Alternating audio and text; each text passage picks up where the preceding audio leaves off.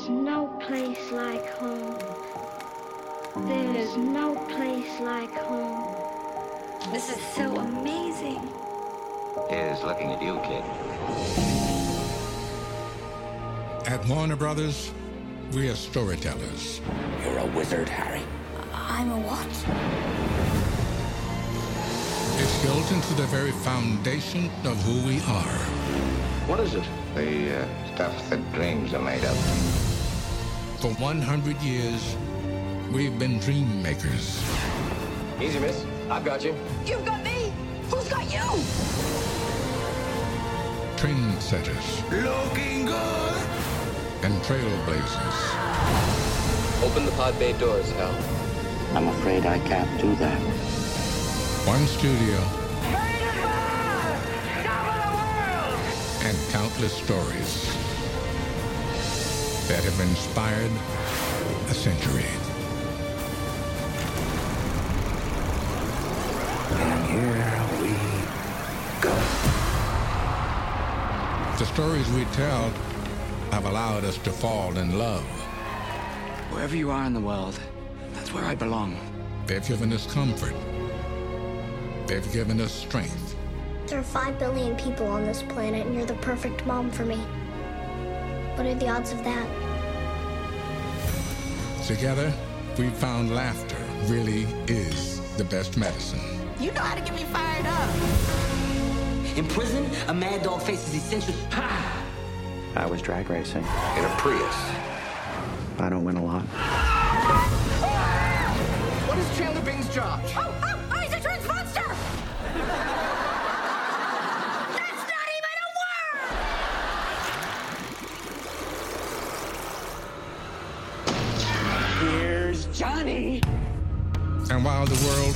Full of frightful things,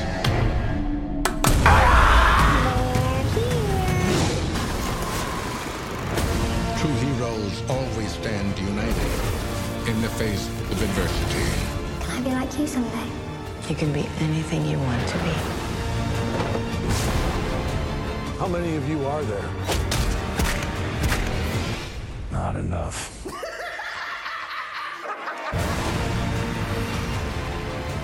will do what is hard.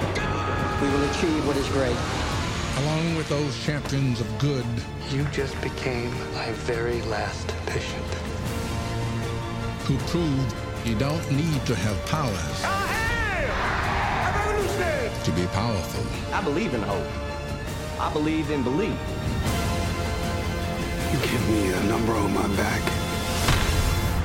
You will remember me. Epic journeys will always be afoot. We have to go. We have to go, go, go. Fierce battles will always be waged. This is Sparta! And every once in a while, a star comes along that shines so bright, they become legends forever. Go ahead, make my day. Every story, no matter its size, Release the Kraken! is worthy of being told.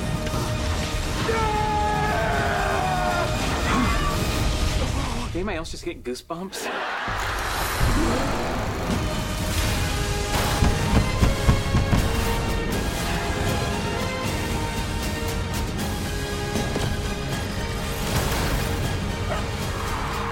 You ready? I'm ready. Ready to fly.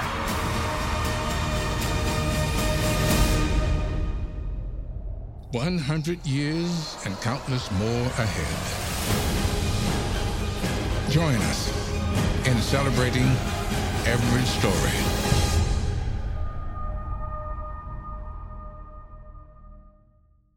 Takk kærlega fyrir að hlusta eða horfa Bíoblæður. Nú getur þið gerst áskrifundur með því að fara heima síðan mína bioblæður.is og skrá okkur þar. Verðið er einungis 1099 krónur á mánuði. Fyrir þá uppæð þá fáið þið 2-3 auka þætti í hverju mánuði. Þessi stuðningur skiptir mig rosalega miklu máli, þetta er mikil vinna og hver einasti áskrifandi telur svakalega. Þannig að endilega kíkja á heimasíðuna mína bioblæð.is og gerist áskræfundur. Þessi þáttur er í bóði Subway, bestu bátunir í bænum, Subway byrður upp á báta, sallöt og vefjur og að sjálfsögðu þessar frábæri smákukur. Ég reynir að hafa með þrjár í desert þegar ég er búin að borða minn upp á spát sem er BMT. Ég mæla maður að kíkja á Subway ef þú ert að leita þær að góðum og ferskum mat. Pop Smells frá Nova Sirius, þetta er súkulega pop sem kemur í tveimur bræðtöndum, peppartöfti og með súkulega venlu. Ég mæli með peppartöftinu, það er uppáldum mitt, ég veit ekki hvað ég er búin að borða margar svona póka. Ég mæli með að fólk smakki Pop Smell, þetta er blanda sem klikkar ekki, súkulega og pop. Sambjóna, Sambjón reyka 5 kveikmyndahús, eitt á Akureyri, eitt í Keflavík, þrjú inn í bænum, Álabakka, Kringlunni og Eirsöll. Eirsöllin er uppáðs bíó mitt, mér finnst bara ekkert toppa sal 1 í Sambjón með Eirsöll. Ég vil þakka þessum fyrirtækjum kærlega fyrir stuðningin, án þeirra gæti ekki gert þetta podcast. Ég vil líka þakka ykkur og sjálfsögur fyrir að hlusta og horfa á bíóblæður. Endilega fylgi ég bíóblæður á Facebook, TikTok og Instagram.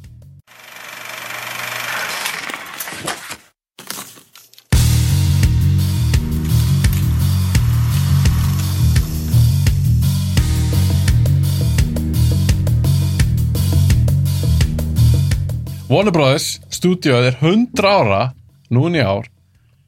Tæknilega síðan áttur nákvæmlega ammali 4. apríl ef maður rétt, ég var að googla það hérna á komum stúdíó, minna var 4. apríl. Ég ætlaði að gera þátt í apríl. Svo hafði bara ekki tíma þurfti að þess að preppa hann og svona.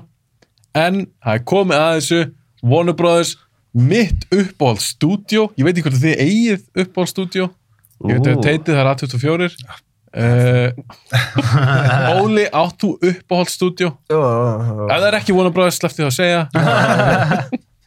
Það er ekki á mér að segja Ghibli eða Toei Animation bara Já, þú, þú fer þanga Eða hvað, ég, að, ég veit það ekki, kannski Gó, Svo fullkomið hitreit hjá þeim. Paramount, kannski. Þeir finnst semst allt Bros. bara rust Yes. Máni? Það er bara allt sem Avi Arad snertir augljóslega besta magnaða sá gæi vinnur ennþá hjá Sony. Nei, ég veit það ekki, mér finnst Warner Brothers, þeir eru örgulega með besta merkið. Það er alltaf því ég sé þetta, ég hugsa alltaf um hérna Batman teknimyndunar, mm. það sem þetta breytist í hérna lofbelgin yeah. Já, ég ætlaði líka að spyrja ykkur hvað þeir eru hugsað um Warner Brothers, hvað er það sem þetta er svona Já, fyrst það er bara mjög lethal weapon 4 hjá mér.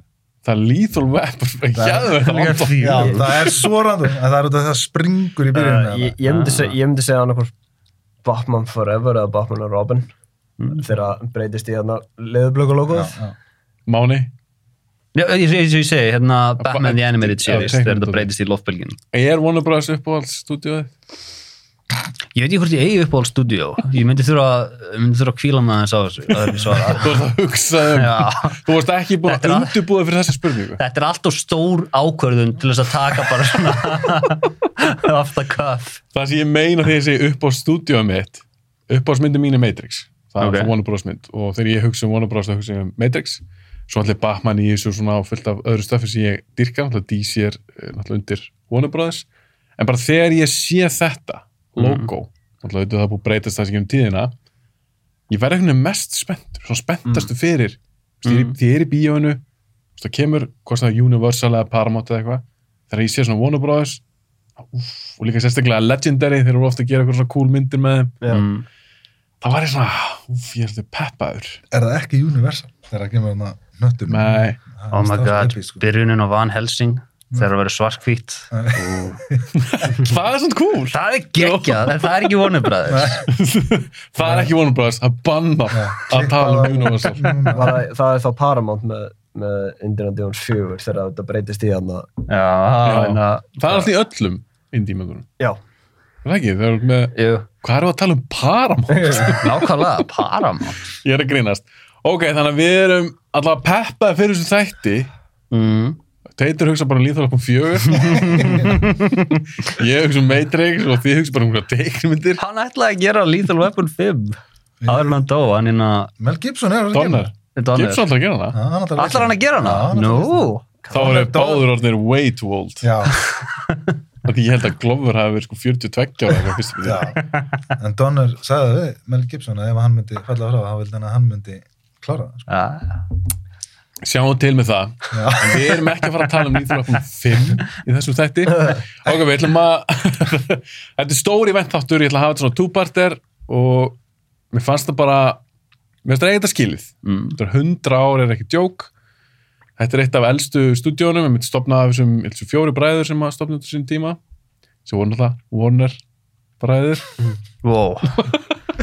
er þetta bara Varstu- setjum þessi varstu- trivia Varstu lengi að fletta þessu Já! bara er ég ætla að djóka eitthvað með hérna Warner Bros. nafni allt sem ég veit um stúdíóið lærði ég í hérna Looney Tunes Back in Action frá 2003 Þannig að mér langaði að gera þátt það sem er þetta, uh, það sem ég og gestin förum með þessu Warner Bros. myndir og er líka fínt að nýta þennan þátt sem ég er von, vonandi held að við sem allir fara að gera til þess að velja kannski einhverja myndir sem við erum ekki búin að tala um áður mm.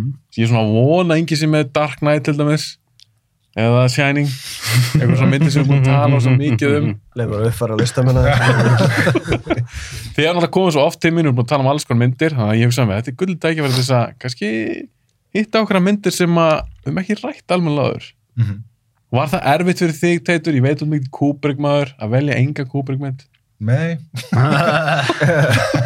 Þú þurft ekki að hugsa um, um það bara nei. Nei vann hann bara með Warner Brothers eða? Já, no. allavega þegar Já, var það ekki? Bara Shining. Frá, upphafi. Já, frá, ég er að tala með það fyrstu myndum, var það ekki? Kannski ekki fyrstu tvær. Mm. Það er svo stór myndir, var það ekki? Allt Jú, voru allt, jú. Hann var bara á síðar samning hjá þeim. Ég hef með tengir svo mikið Kubrick við auðvitað Warner Brothers og líka Já, Eastwood er búin að gera held ég er það ekki rétt sem var? Jú. Flestar hans myndum, alltaf sem leikstjóri hefur verið hjá Warner Brothers. Já. hvað var hann hérna Veit ekki alveg hvað séu allar. Nei, ekki allar. Flestar. Hvað var hann hérna út í allin? Var hann hjá, hann var hjá okkur svona stóru fyrirtæki var hann Það ekki ekki Paramount eða Nei, sko, Nei, já, já. Woody Allen var, hann hefur gert einhverja myndir fyrir Warner Brothers en, en Hann hann, var á okkur svona sér díl eitthvað stæra sem var bara ef hann gerir mynd sem að er undir einhverju x-budgeti þá fær hann bara alltaf að gera mynd Mhm. sem að er ástæðan fyrir að hann gerir gerði mynd á árið sko. Já. Þetta er ekki íst út líka, hann er á okkur svoleiðis díl hjá þeim sko. jú, bara svo lengi sem þú veist, að því hann skilar alltaf alveg fyrir deadline Já, já. og myndirnar þú veist, fá, ná allan að oftar en ekki budgetinu síðan tilbaka. Já. Hann fer ekki yfir budget og eitthvað Nei. En í Kubrick keisinu var þetta þannig að þeir vissu að þeir væru með rugglaðan feril í höndunum. Þannig að þeir gerðu bara hvað sem er. Við erum, tilbúin, við erum tilbúinir að tapa peninga því að þetta eftir að borga sig svo mikið í svona langtíma. þú veist að eiga bara Kubrick katalógin er náttúrulega bara eitthvað ruggl sko. Og hérna já, já, við Svo alltaf Nolan, hann var svolítið mikið hjá Warner Brothers og fór hann í fílu Já, réttlega til að finnst Já. mér Ég skilða mjög vel, þeir skitur svolítið upp á bak í fyrra. Nei, ég hitti fyrra Já, með Tenet Já. en þetta er svona það, það var engin svona fullkomin löst fyrir þá af því að bíóhúsin voru eða bara mikið til lokuð en á sama tíma talið allan að við hann fyrst strákar, Mm. hvað er það að gera? Ég var hann ekki líka, var, varð hann ekki svolítið pyrrar þó að Tenet hafa komið í bíó. Kemur, Var hún ekki 2020 2020? 21, þá náttúrulega ákvað Warner Bros. bara, herru, við ætlum að gefa út allar okkar myndir sama dag og streymisut og í bíó. Já, og þess að Denis Villeneuve var það rétt ból fræmi Villeneuve. Villeneuve, hann var mega pyrraður hann sagði, hann, hann fór á Twitter. Sástu það? Nýla? Nei, hérna þegar þetta gerðist, sástu hvað hann það sagði um þetta? Hvað sagði? You are not going to do this to me. Þetta er ekki aftur Nei, það sagði þetta ekki.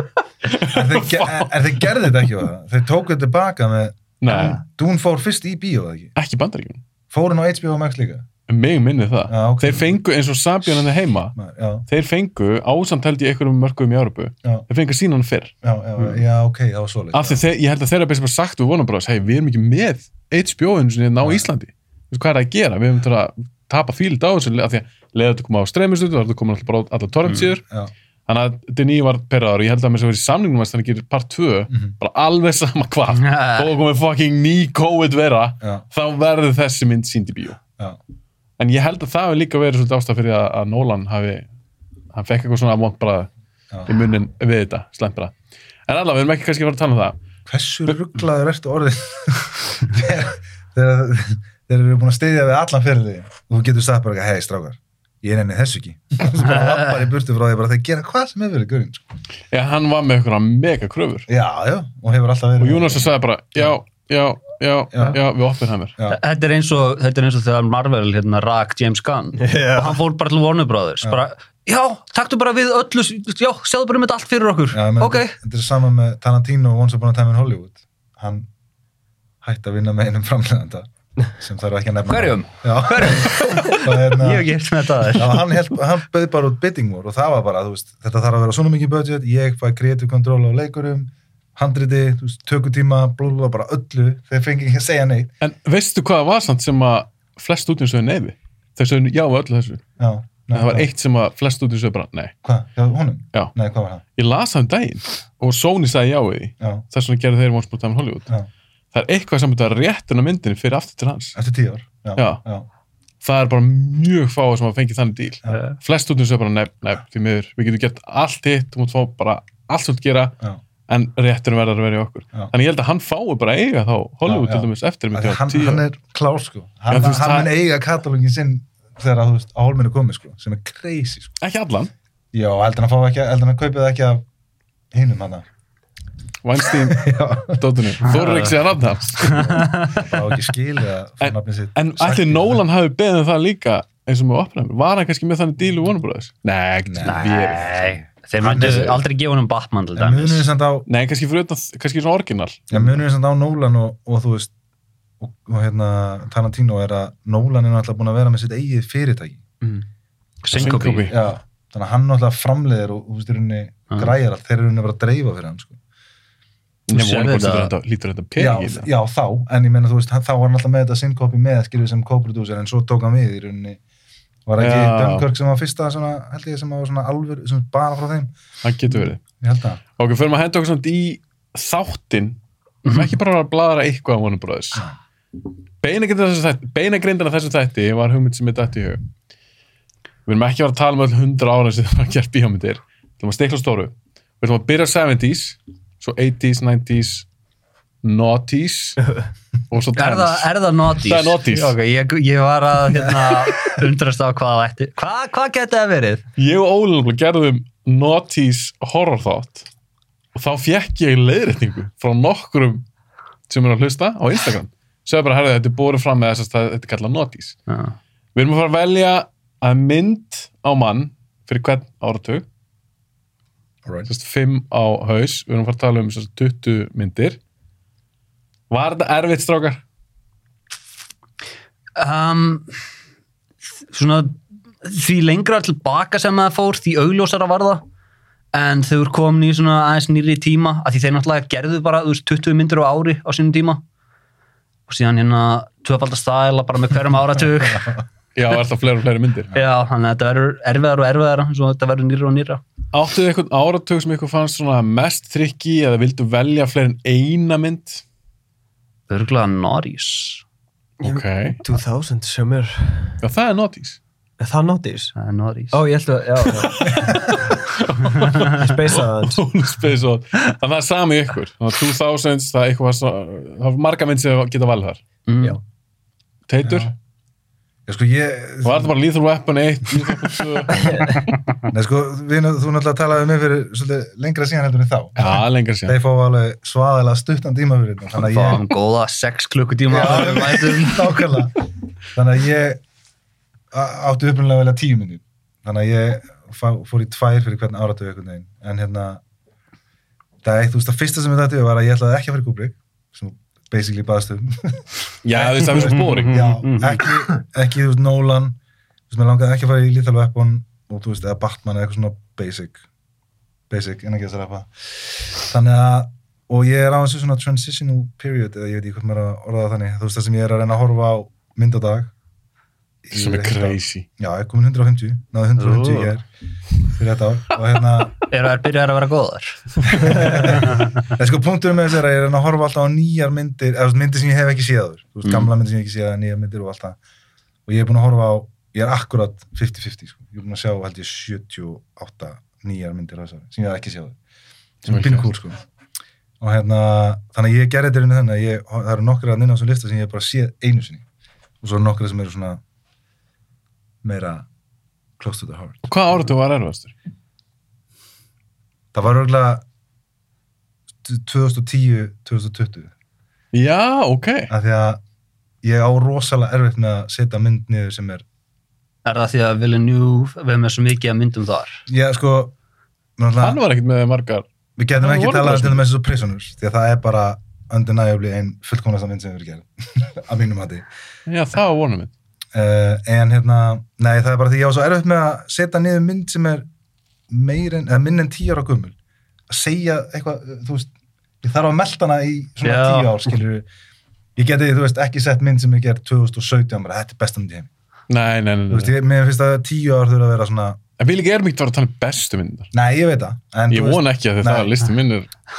nei, en ég tók mynd frá 2000 og eitthvað 14, held ég En eins og þess, fannst þér erfiðast að velja af 2010 til 2020? Ok. Nei, Ertu það- þá- að, því- að því ég var svolítið að hugsa, og líka þú veist, Prisoners er þarna, þú veist, come on en við ætlum ekki að tala um hana Ég hef aldrei séð hana. ha, það er bull Við erum ekki að að tala um hana. þú ert að, Ég veit aldrei hvort mánu segja grínast þig. Nei, ég, ég, hef ekki, ég hef ekki séð hana. Ha? Og að því að hún er, þetta er eina af myndunum sem er svona, hún er svo augljóslega góð og ég ættir að elska hana. já, En ég, það eru bara tvær myndir, þú veist, á áratug sem eru góðar. Það ég þarf að spara þær.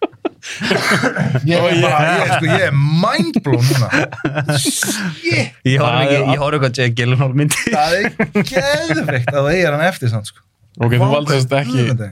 Prisoners. nei, þú er búin að tala svo oft um það Já.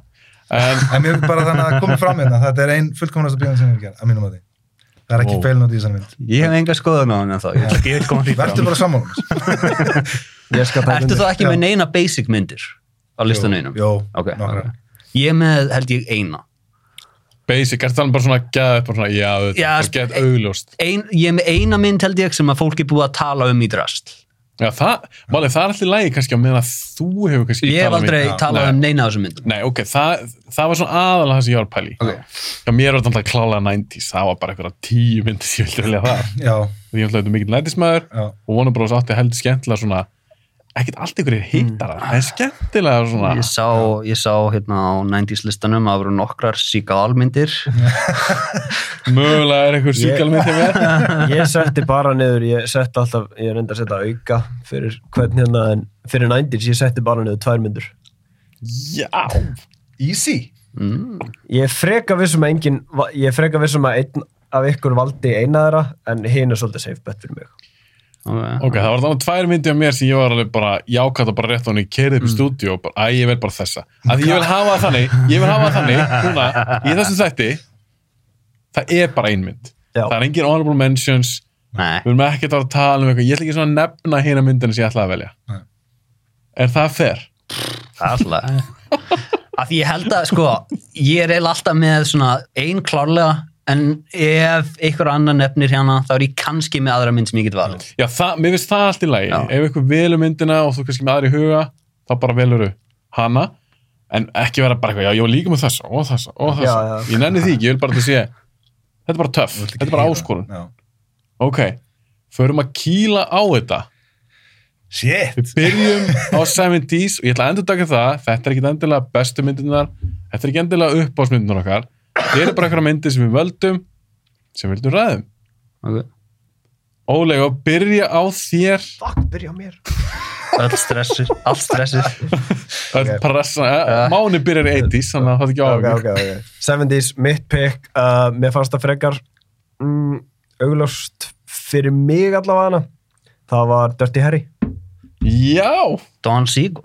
Dirty Harry Dirty Harry. Ok, komdu aðeins með eitthvað Dirty Harry ekki rand, en svona af hverju, valdur hana það er þess að Dirty Harry hefur held ég bara ekki verið nefnd á nafn í þessu podcasti ég verð nú bara Ég- að við ekki það Nefndi hann einu sinni. Þú ert með hann líka ég hef ekki séð hann Þú er nýbúin að skamma hann hérna ég skamma hann ekki, ég Nei, sagði ég er að stríða er hann. ég er að stríða þér, ég er að stríða þér. eftir. Ég held að ég talaði um Dirty Harry þegar við tölum um Batman á sinni tíma. Ó, ok það mátt ekki. Nei. Nei, ég hef með. Nei, ok, Dirty Harry Ístúdmynd Já. Herðu, Er hún ekki frá 71? Jú, 71. þið hafa allir séð hana Ég vil segja Já, það seldu mér akkur hún er svona Ok. akkur, ætti ég að horfa á hana Ég myndi gera það, Já, sko. ok þá gerir ég Gjöð, það key bara Já. Það er ekki að segja mér það. Já. Nei, þetta er, þetta er bara, þetta er svona klassíska svona Dirty Cop myndin. Uh, Eastwood er æðislegur í þess að þetta er svona, þess, hann er að stíga út úr western sem stígur beintin í neo-western og þetta bjó bara til sér svona eigi brand af the modern gunslinger. En líka þessi mynd kemur út á rosalega interesting tíma fyrir bandaríkin. Það er ástæðan okkur það er ein mynd sem ég augláslega gæti ekki valið af því ég hef talað henni í drasl. En að því Svo, já, er- Ég má spurja, ég er stjórnandi, ég má spurja. Var. Ég nenni því ekki. Já, já, já. Zodiac var myndin sem ég gæti ekki valið Að Ég fór að hugsa um, að um aðra 70s. Já, já, já. Sorry. Uh, en Dirty Harry er, er inspired af Zodiac glæbónum þegar þeir eru að gerast af því þetta var þegar Zodiac morningi var á hiatus Mhm. og fólki var alltaf bara að panika að ekki heyrst frá hann í einhver tíma, við segjum þú veist, er hann döður, er hann ekki bla, bla, bla, Já, þegar myndin er gerð. Já, Já, já, 71 og það er þess að atriði í fucking Zodiac myndina sem þið fara Dirty Harry í bíó og þeim finnst þetta geta óþægilt að því morðingin í glæbamaðurinn, slags morðingin í Dirty Harry er kallað Scorpio og hann er að senda lauruglinn svona, svona bref og er að varaði við hver, hver hann er að fara að drepa. Og náttúrulega í myndinni þá náttúrulega veist, fucking Dirty Harry finnur hann náttúrulega í lokin og skýtur hann bara. Það er bara the classic tale, bara good versus evil. En þetta var svona fyrir áhörundur á þeim tíma til að geta slakað á bara svo að geta sagt, ok, þeir, þeir fundu Zodiacun og þeir skuttan þannig að mér er þetta ógæslega interesting hvernig svona worldviewið hjá bandaríkjum og svona og pólitíkin í kringum mynd allt var til þess að Dirty Harry myndin var til Já. og þú veist, ógeðslega góð leið til að selja þetta, ekki bara er þetta, þú veist alveg, ok, hérna er löggan að trakka niður Zodiac morningen innan gæsalópa en hver er að gera það? Fucking Clint Eastwood Mesti Hollywood nagli alltaf Já. tíma. en það er líka, þú veist, hún er náttúrulega með þessar iconic dialogsinur, en hún er líka bara hún er bara svona hún er bara gott áhrum ég man ekki hvað leikarinn heitir sem leikur Scorpio morningen, en hann er actually bara rosalega góður og þetta er þetta er bara, þetta er bara svona mjög gott bara breeze watch through og gott svona karakterstöði á Dirty Copinu sem er Dirty Harry og bara rosalega skemmtilegt og subdued Clint Eastwood performance nema það náttúrulega þegar hann fer að gnýsta tennunum hann í lokin en Er, er það allar góðar? Hefur þú séð það allar? ég hef séð það, já, allar að DFT Ég er nefnilega ekki séð það allar. Hvað er það margar? það eru fimm og þeir ætluðu að gera tölvuleik með Clint Eastwood. Og þetta er alltaf Dirtier Harry. Er þetta góð serja? Mér finnst það, mér finnst það, það allar fínar. Mér finnst fyrsta best, mér finnst það Impact líka mjög góð. Og ég man, ég man minnst eftir 50 en ég veit að Jim Carrey er í henni, það er ekki að alveg.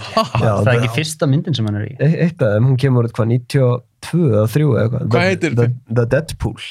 Já, Er hann ekki að leika eitthvað eitulega fíkilega? Jú, eitthvað hann er, það er mjög langt síðan ég sá hana en já, Dirty Harry er bara eitt af þessum svona classic screen karakterum og mér fannst hún bara fínast að pikk fyrir mig að því að þetta var svona gatewayin í Zodiac svo ég get alltaf svona svindlað hana Þú kannski nefnt Zodiac hana. yeah, yeah, yeah. Nei, því mánið með talaði um að þetta lítur að vera erfitt fyrir því The Naughty sagði þú ert að velja á milli Kiss Kiss Bang Bang og Zodiac og ég sagði, nei, ég má ekki velja það því það er auðvitað on a compilation.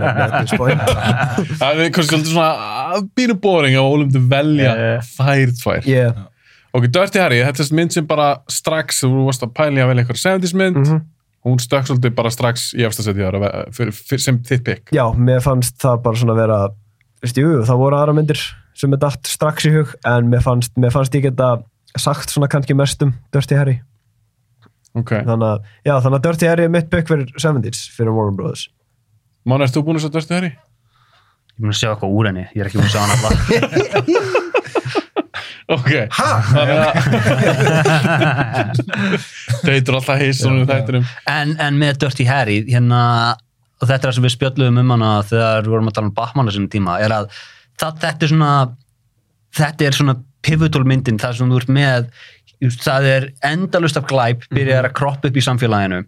Og engin vopn sem samfélagið hefur til að venda sig virka þannig að þú verður að fá gæðin svo Dirty Harry þú Já. þarft að fá eitthvað sem er tilbúin að brjóta reglunar og um leið og hann er búin að gera það fyrir ykkur og um leið og hann er búin að bjarga ykkur hérna, þá er hann bara í rusli að þú getur ekki haft hann eftir að glæpurinn er farin hann er líka alltaf á mörkunum að verða reikin það, það, þarf, það þarf svona það þarf svona fókust brjálaðing í samfélagið. Ég var að segja þetta, þetta tengist auðvitað Eastwood og líka Dirty Harry. Mm. að það heitir alltaf Harry Callahan. Yeah. og Sin City sem, Frank Miller gerði Nancy Callahan er alltaf skýrði höfuð á, á Harry Callahan. Mhm. og draumunum var að fá Eastwood sem Hartigan í Sin City mm. og það meika svo mikið sens líka upp á aldrun af því að Bruce Ellis er aðeins ungur fannst mér þegar hann leiki í, í Sin City.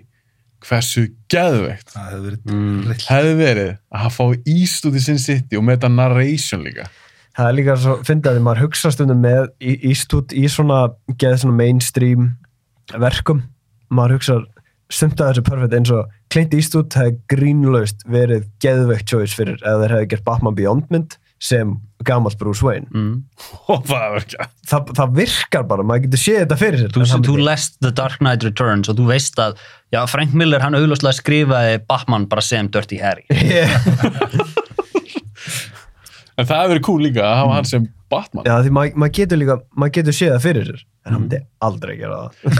Hvort finnst ykkur meira spennandi við Eastwood? Að hann sem leikari eða leiksturi Ú, Þetta, af því hann hefur leikst rosa mörgum myndum og ég er rosa langan tíma. Já, hann hefur líka, hann hefur líka haft duo projektið þar sem hann er að leikstýra sjálfum sér í aðalutur ekki já, oftar en einu sinni, og oftar en tvisvar. Margóft. Það er helvít oft.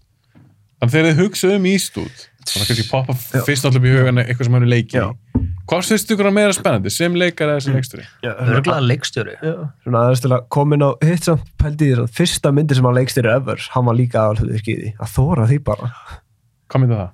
það var Play Misty for me. Ok, þú segir, Máni, þú segir leiksturi Ég segi leikstjóri. Meira spennandi sem leiksturi Óli, Ég ég verð að segja leikari. Ég sammála þér. Teitur, sko ég hugsi verða að segja leikstjóri bara því ég held ég að við séð meira af stöffi sem hann hefur leikstýrt heldur en hann hefur leikið sko. ég á svo mikið eftir að fara Ég- í vestra já, þú átt það eftir já, ég er búin að sjá alveg eitthvað að því skilur og starta en ég er búin að, þú veist, já hann er bara hann er svo mikið hit and miss leikstjóri Mm. það er eiginlega það eina sem er svona þú veist, hann, já, gerir þú veist misti grifi sem er bara geðveik og svo gerir hann er mjúl mm. það er eitthvað svona, þú veist mér, finnst, mér finnst það bara svo fascinating fígura í því að hann er það sem fyndi, hann er líka rosalega góðu leikari undir sinni eigin leikstjórn. Og, en mér finnst alltaf rosalega gaman að horfa á hann sem leikari í svona þegar hann fer eitthvað svona pínu against type en, að- en að því hann er svo rosalega góður að spila sitt eigið type að því, þú veist eins og eins og með John Wayne í True Grit þetta er bara John Wayne að vera John Wayne. En Eastwood er aldrei bara að vera Eastwood. Það er alltaf einhver svona pínu litli layers í stöndu sikur og kannar þótt að hann er þú veist, ok, þetta er Clint Eastwood að leika kúrika. What else is new? En, en, veist, hann er bara svo fucking góð Já, en hann nær samt að setja eitthvað svona, eitthvað svona spinna á hvort sem það er physicality eða hvort að, hvernig hann talar eða hvort hann er að squinta eða ekki. já. Bara, Ég veit ekki hvort eitthvað er eftir að tala um Unforgiven og eftir en alltaf þegar það er talað um Clint Eastwood ég þarf alltaf að nefna það það er magnað að hann gerði bíómyndina um seinustu daga útlæðans já. Og síðan lifði hann bara í 30 ári það, það Og, lifir, og lifir enn. ég held að hvað, já, Unforgiven er hvað, 94 92. 92, það er lengra síðan Unforgiven kom út Já. en það var hérna, The Good, The Bad and The Ugly kom út þegar Unforgiven kom Já. út. Það er lengra á milli. Það er crazy. En, ef við erum að tala um hann aftur sem leikar, ef þið, ef þið til dæmis tækir dollara þrjuleikin, þetta eru þrjú sikur performances.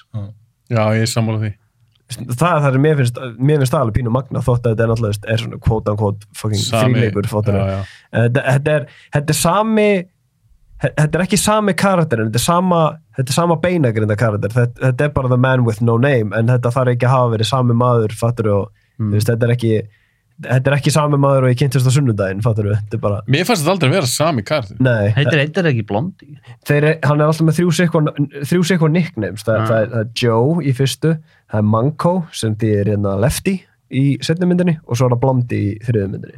Hann er alltaf kallaður eitthvað annað að því, að því hann heitir ekkert. Já, einmitt, the man with no name. Yeah. ég verð að segja eitt, á- ein ástæð fyrir því að ég valdi hann frekar sem leikara. Að ég einhvern veginn held að hann er alveg fýtt leiksturi en ég er svolítið sammála því að hann er svolítið hit or miss. Mm. ég er alveg nokkuð veist um það að það er alveg fullt af leiksturnum úti sem hefði alveg getið gert tökum bara Mystic River, örgulega besta myndin hans. Já, já. Það er leiksturnum úti sem hefði getið gert það. En að vera með þetta screen presence sem Íslutu með. Úff, það eru fáir. Ú, veistu, það er, það, er, það eru góð rauk það eru góð rauk hins vegar. Mótrögg það er ekki margir leikstjórar sem hefur náð þessum performanceum út í myndunum hans með einni tökum Nei. Úff, og Það nú er fyrir að finna önnur rögg uh, góð rögg, það, það er bara Nei, en og hann ég, er aldrei að leggja tíma í neitt Já. það er bara handrit og þeir skjóta það Mhm. og þess vegna er hann að held ég svona mikið hittin miss að því að þú veist, ef handritið er ekki bara algjör bomba Mm. þá er það bara you get what you shoot. Já, já. En en, þetta- ef það er geggjað þá þú veist fáðu Þetta mistökum hefur líka bara allt með það að, að þessi leikar eru að fatta fyrir hvernig þeir eru að fokkin vinna sko. Þeir vita, alveg ok, í þessu production þá eru ein, ein, tök, þú veist, ein taka max tvær ef ég er heppin og leikstjóra minn er fokkin Clint Eastwood segir ekki neitt og gerir bara, let's go þú, bara mæ, þú mæti bara sett og dress to impress sko. En hann er líka, ég fór að humta að hugsa þetta sko, af því að ég tengja mitt Warner Bros. mikið við Eastwood. Bara þessi Clint Eastwood. Clint Eastwood, skæin. þetta er bara royalty í yeah. kveikmyndasögunni. Er hann seinasta stórstjarnan frá gullöldinni? í rauninni, já, Af því að hann hérna Kirk Douglas er dáin. já. Og Shirley Temple. Mm. Shirley Temple. hafið líka en Spielberg er, er, var líka rosalega inspired af Eastwood, hann lítur rosalega mikið upp til hans hann, Spielberg hefur á, á nótu sagt að Eastwood er one of the most important American filmmakers ekki bara leikari, bara filmmakers in general Já, ég get alveg tekið undir það. mm. Alveg 100%. Ég er ekki að gera lítið á hann sem leikstjóra. En mér finnst það svakalegt. hann er icon Bara auguna Mm, hans já. og bara allt við hann. Hann er svo mikið, oh, bara kameran elskar hann. það er, líka, það er líka eitthvað svo magna við hann sem performer uh, varandi hann sérstaklega eftir að hann var eldri að hann getur einhvern veginn náð sentimentality út úr þessari chainspoker rödd Þú veist, eins og í Million Dollar Baby þegar hann tala um þetta Mokusla en maður er bara svona means my darling geðveik mynd bæðu Já, geggi. Höldum áfram, Máni, hvað Já. er þitt 70s pick? Mitt 70s pick er Exorcist. Ok. Og þetta er myndin sem ég hafði ekki séð í fleiri, fleiri ár og ég var að horfa á hana, bara rétt á hann. Ok, þannig að þú náður að rifja hann upp. Ég náði að rifja hann upp. Hérna, þetta er uh, William Friedkin og William eitthvað Peter Blatty. Peter Blatty. Já. Hérna, og uh, Friedkin, í- hann er hvað, hérna, The French Connection eða, já, er það ekki myndin það sem að þeir voru bara að keira um í borginu svo brjálaðingar? Jú, og þess að- móti umferð og Já, voru ekki minni leiðið hann er þetta er, hann er, hann er einmitt frá þessari kynslu þessum leiksturar voru bara geðbilaðir. það er hérna, uh, hann hérna Karas í Exorcist er leikinn af Jason Miller Mhm. Og það er náttúrulega æðisleg saga þar sem hann þurfti að fá stór viðbröð frá Já, Jason ég- Miller í upptöku. Vi, voruð þið búin að heyra þetta? Nei, ég ég hata þess að svo hún svo þetta er, þetta er svona fullkomna leikstjórar eru fáiðar hérna momentið það er sem að, að því að hérna, hann vildi fá svo stór, stór viðbörð frá honum að hérna, hann kom með bissu á settið og þegar hann var að fá viðbröðin þá, hérna, þá skaut hann bissunni bara hérna á bak við hausina á honum What? til þess að bregða honum og hérna hann, hann bara, það var meld á hann á settinu. Ég, ég er leikari, ég get, ég get þóst þú þarft ekki að gera þetta. Hann er svona martraða leikstjóra að vinna með. Er hann frægur fyrir það? Já. hann er, já, hann er martrað það er svo mikið af svona úr því og ekki bara það, Jason Miller fekk permanent hérna, hearing damage þessu, hann misti partially heyrnina í öðru eirunu Hún- svo var annar leikari, var, það var Max von Sydow eða ekki, Jú. þegar það er allir það sem hann er að fara yfir hérna því Exorcism og þú, þú sér að höndin hans hérna skelfur bara ég heldur að því Will- Peter Blatty smekkaði hann sló hann undir. Blatty? nei, Nei, nei, nei, nei, hann er að því að Blatty, hann er Já, nei, Frídgen sló hann utan undir svo hann væri trembling í tökunni og svo var það líka með, hvað heitir leikonan? uh, hérna uh, Lisa Nei, Nei. ertu að tala um, hvað ertu að tala um? Aðaleikonan hún heitir ertu að tala um Linda Blair? Nei, Nei, ekki nei, Blair, hérna mammanar. Var þetta ekki Ellen Burstyn? Jú, Ellen Burstyn, thank you. Það er þegar hún hann að jú. þegar hún dettur hann aftur fyrir sig. Já. eftir að hún er að taka krossin frá dóttur sinni. hún er hérna, það er reypi á hún er- henni, henni kifti baka. Ekki fríðkinn að tója hérna. Nei, en Nei, það, var, var DP-in eða eitthvað svoleiðis. Það er eitthvað en svoleiðis. basically þeir voru ekki að ná að toga hann eitthvað rétt. Þannig að Frídgen, hvað hva, hva voru orðin Or, hann orðrétt til, til þess að fá hérna, hann segir við gæ- gæðin sem er að toga hana hérna, orðrétt hérna, let her have it. Já, já með þess að ég held að það verið let the bitch have it sko. eitthvað svoleiðis. Og, og þú getur séð það því ekki bara kippust hann aftur fyrir, hún skallar gólfið og grípur um hausinu og, og hún fer í opnin og hún Já. er alveg svona er, þetta, þetta er svona þetta er svo mikið svona shit show production. Að því ef þetta gerist í dag Frídgen er rekin á deginum.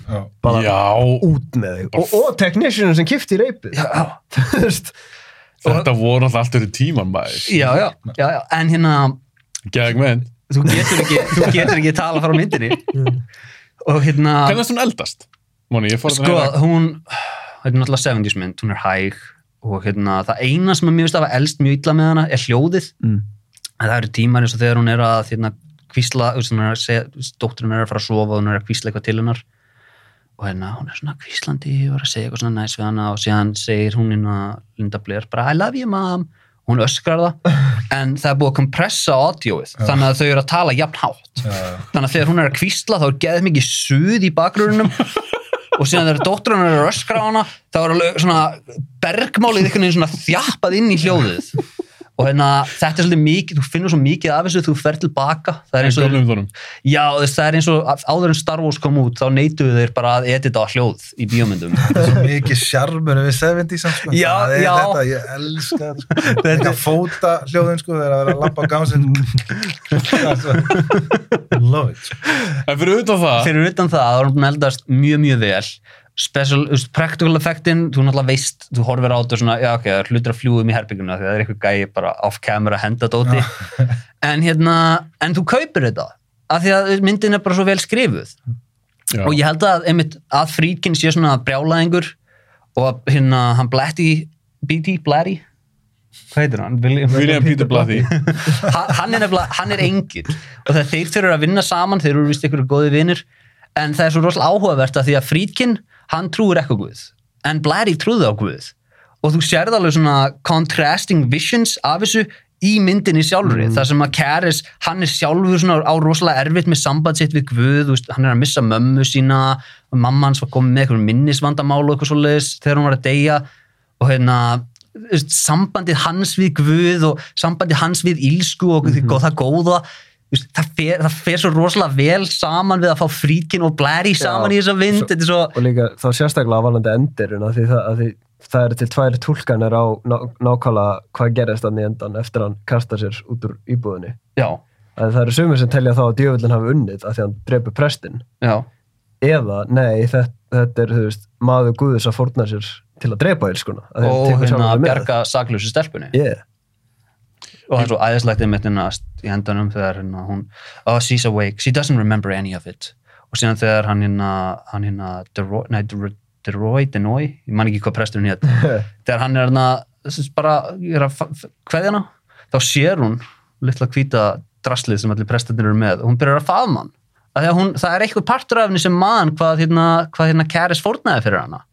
Og þetta er svona, ah, þetta er svo falleg mynd en á sama tíma er hún svo ógisleg og minnst það líka eldast heldur vel Já. make-upi á, á henni á stelpunni, hérna ekki Reagan Reagan, Jú. Re- Reagan. kvíkmynd að taka henni í þessari mynd sko. Yeah. Ert þú hrifin að henni teitur?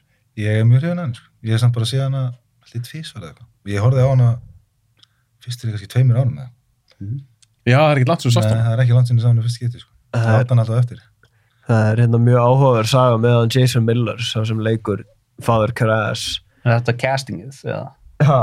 Hvernig hann var, fekk hlutverkið? Þú veist, að því að hann var, hann var þú veist, Elsku henni Móni heldur og glas. Að því að hann Ég er að reyna að halda mér, þú veist, þú má ekki fela andliti en ég verða að hafa gott takk Nei, því að náttúrulega hann hætti næstu því við. Þú veist, hann, var, hann langaði eiginlega bara að fara að hætta að leika því að hann var, þú veist, orðin playwright hann var farin að skrifa. Hann skrifaði til dæmis uh, leikrið sem heitir That Championship Season og vann fucking Pulitzer fyrir það. Nei. Yeah. En það sem mér er ógeðslega áhugavert er rétt áður en Jason Miller dó þetta er, hefur ekkert í tengi við Exorcist í rauninni en rétt áður en Jason Miller deyr þá er hann að skrifa leikrit um eldri playwright sem hann að deyr áður hann að klára verkið sitt og svona hann þarf að klára það. Og hann aldrei að klára leikritið. Nei, gerðist það sérst, hann já, dó. já, já, hann dó og, og hann að svona hann íhugaði að klára verkið Gegn press á sínunum já, ég man ekki hvort hann gerði það ekki. Bara, nú, Þú verður að klára það. Já. Hann var að skrifa um eitthvað sem þú bara verður að klára það. Grest. Ímyndaður að þurfa að eiga, þú veist, það er seinast að þú gerir svona samband þitt við föðurðin er að þú þarfst að klára loka verkið hans. Um svona klára loka, bara svona, vá, þetta er svo mikið headfuck. Já, en, en ætli þetta sé bara ekki hvernig Kristofur Tolkien leiði eða eitthvað. Það eru glástaðan fyrir að hann var svona pyrraðar Já. En- En eitt stutt í saman til Exorcist Þeir eru að gera nýja núna Já, með hérna Leslie Odom Jr. verður að gera nýja þessin endur gera með- Nei, framhald, framhald. Burstin er inni líka. Já. Veitu hvað er leikstæðinni? David what's his face Green? David Gordon, Caron, David Gordon Green, Green sem gerði Halloween, Halloween mynda. myndur Ég var að lesa um daginn, það voru eitthvað testgrínings. Býtu, gera ekki líka einhverjar Grínmyndir. Já, það ekki? Ég held ég hef heyrt sömu sögurnar um sér testskrýning svo þú Það fór ekki við þér Nei. Því meður Nei, það eru bara til tvær góðar Exorcist myndir Fyrsta og fucking Legion. Fyrsta og önnur. Nei, ég meina Legion. Ég þarf að, málega, ég sá bara fyrstu. Já, Ég sá aldrei. Já, ég er Þriðja er jafngóð Ég elska þriðu Aha, er það það er- með okkar manni? Patton. það ekki þriða? Með Josie Scott? Jú, með Josie Scott. Jú, Ég þarf að sem, checka henni. sem detektivin Hann er rosalegur í henni. Hvað gerðu þeir margar Exorcist myndir? Þeir gerðu, það var Það þessar þrjá Já. og svo Og síðan eru til tvær útgáðar af, af myndum og fjögur. Hit, var það Dominion? Jú, hún, það, það er til ein sem heitir bara þú veist, Ex- Exorcist 4 The Beginning og svo er önnur sem heitir Exorcist Domin- Þetta er basically þetta er tvö sikvar köttin Exorcist Dominion. Eitthvað þannig. Þetta fann upp á Nýja, nýja Exorcist myndin mun heita The Exorcist Believer. Já, jú Þú veist að maður sæta á þessum fundum að það myndi maður ekki bara að segja nei. Og var það ekki, hvað hva heitir hann að gæin sem hann skrifaði hann að Silent Hill myndin og hann, hann var hann með honum? Uh, Christopher Gans nei, nei, nei, nei, hann var með honum Tarantino og Pulp Fiction. Hvað heitir Já, hann? Roger Roger Avery. Roger Avery, hann var með eitt af köttunum af Exorcist 4 Ok, ég man ekki, hvo, ég man ekki það hvort það það. Var ekki Renni Harlan að gera Exorcist? Það er að ruggla Hver það gerði gæti, þess það gæti verið, ég man það ekki. Ég veit- en ég veit það að ekki- Roger Avery var attached á einu þeirra. Var ekki, var það Exorcist 2 þar sem þeir tók hana upp tvísvar af því að þeir, þeir tók hana upp, hún sökkaði og svo þeir ákveðu þeir við þurfum að taka upp 95% af henni upp á nýtt, þeir gerðu það og hún hjælt bara áfram að sökka. Nei, nei það, er, það, er, það er fjögur. Er það fjögur? það er er með tvær sikvar Hversu, þú veist Ég get ekki ímynda með þessa, þessi fundarherbyggi hérna Er þetta ekki allt. Og hver, þú veist En það er það sem er svo skemmtilegt við Warner Brothers, sérstaklega sem fyrirtæki, er að discussionin er ekkert alltaf um quality myndalina, bara hvernig fóruð þið af? Þetta er eins og, eins og bara, með hvernig er þetta grínlæta, skilur það já. Já, veist, það er einhvern veginn eins og um leið og færibandið er komið í gang, það er ekkert að stoppa það. Mhm. Þess vegna elska ég, veist, David Zaslow, fólk er að hata gæðan á Twitter. Ég elska hann gæða. Af því að, að því að hann sá Batgirl myndina og hann hugsaði, mm, nei, við erum ekki að gefa þetta út. Þetta er rust Þetta er rust, þetta leit út þessu rust, þessi mynd var 100% að fara að vera ömuleg. Í, því, í því tilviki hefði ég sagt En þið gerðu þess að Exorcist 4 Já, það fyrir samt Já, ykkur 20 já, árum. já, þetta er svona, þetta er svona Já, fólk á. Twitter hérna alveg bara brjála "Ó, hann, hann ætlar ekki að gefa hann út. Þið viljið ekki fá þessu mynd, þið viljið hana bara því þið megið ekki fá hana. Og svo svo myndum bara einmitt Les viðdur og svona við leikarana. Þetta var ógeðslega góð mynd. Þetta er ekki mynd. I'm sure it was. Já, mm, trúið ekki alveg, ég held að það veri rust Ok, höldum áfram Höldum sagt, gangandi, teitur Hvaða 70s mynd Uh, eitt- þú eitt sem með? ég myndi samt segja Það er er- komið að teitur. Eitt sem ég myndi segja er að hérna, ég held að uppáhaldsatrið mitt er þurfum hjá læknunum og það eru að taka allar skannanir af henni, háfa henni í tækjunum. Þetta er svo þe- þessi mynd, hún er svo ros, eins og ég segi hún er svo rosalega óþægileg Já. þegar hún er, að því að það er svo mikið af svona að ég, hún er bara barn. Já, það fyrir að fara í gegnum þetta. Menna, var hann ekki bara 11 og 12 ára líka? jú, jú, ég held að það var 12. Ég, má ég giska hvaða mynd þú valdi þetta? Ég, sko, ég, er, ég er eiginlega ennþá að velja. Því Ég er veginn með þrjá sem ég get valið að mynda ég, Veld, sorry, álega, án og giskar. Já. Lítu þarna á pikkin Já, Veldu eitt, á þess að segja eitthvað Og leiðu Óli giska. Þú mátt segja giska líka á mitt pikk. Óli. Ah, að Teitur, þú fær eina mynd. Ah! Þú mátt ekki velja Dirty Harry Þú mátt ekki velja Exorcist. Ég er, ég er í hausnum á þeirra Svo það skiptir ekki máli hvað hann velur af því að hann er að fara að velja það sem ég er að fara að giska. Ég er að setja myndin inn í ég ætla Þú já, mátt ekki skipta um skoðan ef hann giskar á ég, ég réttu mynd sver, ég skipta ekki um sko Þetta er mynd nummið tvö, þú veist, hún er ég á tvö. Ok. Ég, ég ætla að giska Dog Day Afternoon Hún er nummið þrjú. Ég held reyndar að hann myndi líka velja hana. Já, ég ætla að segja hvað, Mean Streets. Nei, er, er hún ekki á listanum? nei, Ég ætla að segja Clockwork Orange. Nei. Ég er að djóka. Hvað er með það? Mynd sem heitir The Goodbye Girl. Ó, skemmtilegt bygg Hefur séð hana? Já, Þetta er búin að sjá Já, menn þetta er Richard Dreyfuss í Óskarsvölunum hlutur ekki? Ok, býtu, býtu. Nákvæmlega Teitur, ég er að elska þetta pek Ég veit ekkert hvað myndið þetta er Og ég, nei, ég hef ekki séð hana. Þú veist ekki hvað myndið þetta er og nei, má nei. Teitur, hvað er The, the Goodbye Girl? Já. er þetta og? Nei. Þú hver Goodbye Girl og síðan kemur The Gone Girl. Hvaða mynd er þetta? Um hvað er hún og seld, seldu Er mér þetta og svo bána? Bye Bye Man? Ég hef ekki séð bara bara með. Hún er hægt að tala. Þetta er, svona, að, já, þetta er Óskarsverðinu hlutverkið hans Richard Dreyfuss 1977 já. og hérna þetta er sem sagt í stuttumáli þetta er uh, kona með barn sem byrja íbúð og kærast hennar fer að heimann, hann er að fara að vinna sem leikari, hann vinnur sem leikari og er að fara út á land og setur íbúðuna í leigu á hans að segja frá því. Og þá kemur Richard Dreyfuss inn sem er wannabe leikari og er að koma hana til New York til að fara að leika ykkur leikriti og þá er búið að leigja honum íbúðina sem sagt, af eigandunum, þannig að þetta endar eitthvað svona stein í stein. Og til að gera svona langa sögust auðvitað þá þú veist fær hann að búa í herbyggjarna og þau og síðan er þetta svona saga og þau verða þú veist romantically involved. Svo sleðileg mynd. Geðveik mynd þetta eru svo fucking góði karakter Drama. Ástasögu drama. þetta er svona dramedí myndi ég segja frekar er- að grínleiki? já, þetta er mjög fyndið sko. mér finnst hún alltaf ógesla fyndin og jú, þetta er svona romantísk saga í þannig sé líka eða jú, þetta er það uh, en þetta er bara svo ógeðslega vel skrifað hún er svo, hún er svo, hún er svo skýr sagan einhvern veginn karakterinn eru með svo ógeðslega skýr agenda og hvað er, hvernig er þú veist, hvað er þurfa og Skýr hver er, já, hver er að leitast af og endurinn er á þess að spoila hann henni skilur, hann er einhvern veginn just as you expect en það er samt eitthvað svona frumlegt við hann sko. og svona eitthvað svona ég veit ekki, á ég að spoila þið? Nei. ég veit ekki spoila þið Ekki ekki að það er eitthvað svona. Nei, að, þú veist, það er ekkert svona twist skilur, en það er bara svona þú getur kannski að laða bara þetta meira á það skilur, að þú veist, maður veit nákvæmlega hvert sagan er að fara Mm. en það kemur svona á, smá svona skemmtilega öðruvísi einhvern veginn Óli, þú ert búin að sjá þessu mynd líka. Já. Tekur undir allt sem hann sagði, er þetta- er þetta góð? Já, þú veist, ég, ég sé hann einu sinni en ég var að taka bara þegar ég var að fara í gegnum svona 70s myndir ég var líka, ég tók rosalega mikið af myndum sem hérna, kom út 2077 um, það var líka bara sérstaklega því það var Star Wars og þú veist, ég vildi horfa myndina sem keft á mótin að þú veist, eins og veist, að því Star Wars hrifsaði náttúrulega bara velunum, veist, sex Oscars velunum en hún tapaði Best Picture Director, Screenplay og Já, stærstur, stærstur. Já, verðlaunum. og síðan tók ég samt eftir að því Annie Hall tók það allt, en Annie Hall tók samt ekki best actor, þannig að ég flett upp hver var best actor og ég, ég hef mjög gamla Richard Dreyfuss, Elskan. þannig að ég fó, kíkti bara á Goodbye Girl og ég ég er, ég er mjög sammála með þetta er bara allt, þú veist, frekar vel skýri karakterar og hún er bara svona, sem mynd er simple og effektiv Er þetta feel good?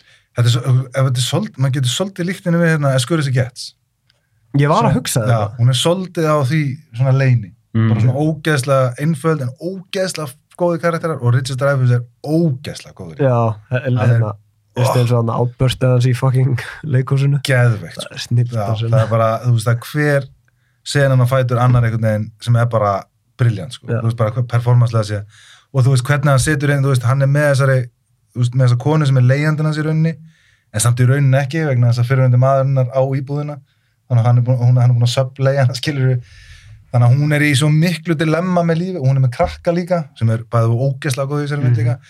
Og þú veist, það er bara svo skemmtir að þau eru svo ólík skilur, þú veist karakterinir og hvernig, og, og svo, já, þetta er bara geðveg, velskrifuð mynd og þetta er sami handriðsöfundur og skrifaði einhverja geðveiku mynd Help me out here hann Óli. hérna ah, heitir, heitir eftir hérna alveg eins og tónlistamæðurinn þetta er ekki Paul Simon Neil, Neil Paul, Simon Paul Simon Sa- nei, Ég, ekki ára mig. Paul Schrader Hvað heitir gæinn? Ég er alveg, ég, ég, ég svona út, sko, ég alveg veit ekki hvað, ég veit ekki svo hvað mynd er. nei, þetta er ó En þetta er hvað séu, 77? já, Já. Þetta er tveimur ára það eftir, eftir Jaws. Yeah. Þá er þá, hvað er Robert Shaw, er hann ekki þá nýt áinn hann, deyr hann ekki 77, 78? jú, það ekki Hann deyr stutt eftir að Jaws kom út. Girl. dóan, ó, Hann var, hann var alkoholisti. Neil Simon. Neil Simon. já, sem skrifaði líka hérna The Odd Couple Mm. Já, Mm. já, ok. Odd Couple er 70s eða ekki? uh, Er það sex- ekki 60s, jú, Það er 68, 60s. Ok, Goodbye Girl, þetta er skemmtilegt. Er Dirty Harry, Exorcist, Goodbye Girl, og svona, þetta er bara, já, þetta er svona myndir sem er einhvern veginn meira og meira farin að þetta veist, Karaktermyndir. já, sem er bara, svo, bara svona vel skrifa stöf Mm.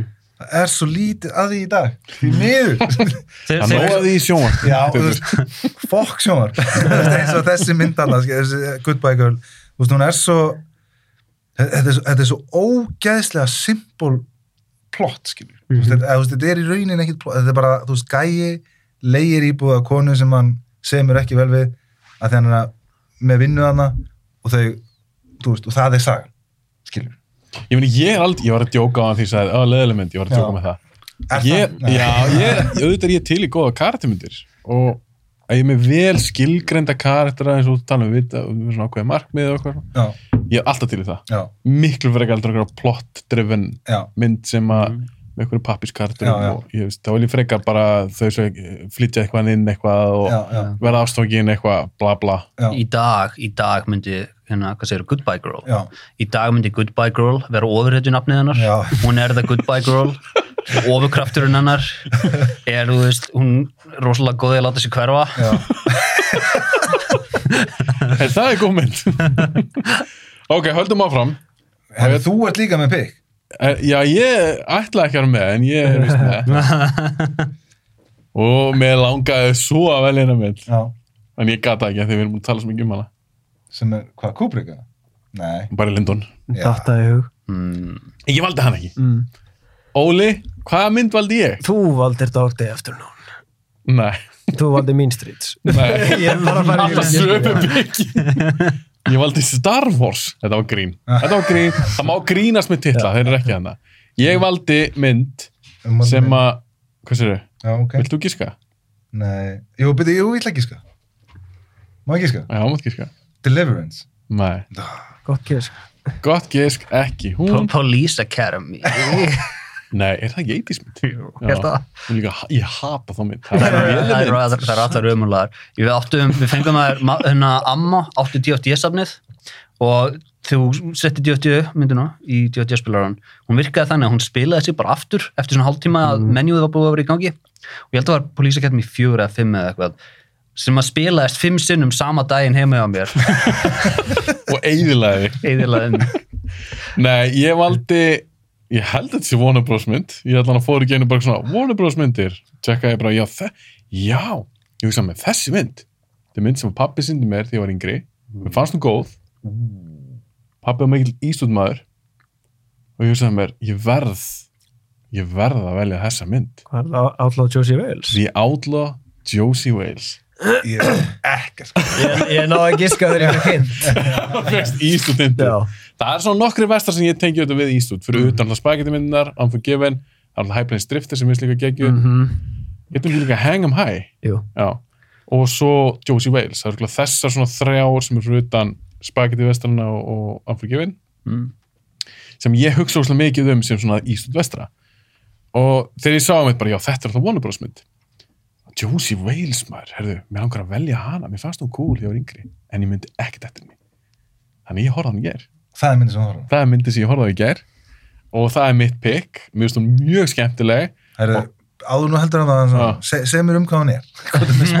hann er bara bad motherfucker og átti ekki að fokja honum. Nei. Það er best bara mynd. Og vestri. hann leikur gæja sem að, þetta er unni þrælastriðir að klárast. Ok. Eða, eða, borgara, hvað er svona rétt að nafni yfir það? the, the War of Northern Aggression eins og þeir kalluðu það í Alltaf norður og söður að berjast uh, Borgarastyrjöldin Borgarstyrjöldin og hann er í rauninni hann er partur af the South mm. þess að Josie Wales og hann í rauninni myndi byrja að hann missi konunum sinna og barnið sitt Mhm. og mér er alltaf fínu, mér er að finna svolítið erfitt að horfa á þannig dót í dag eftir hérna strákið minn Mhm. Að hann missir alveg ungan són sín hann í byrjun, hann er bara dreipin af eitthvað svona outlaws.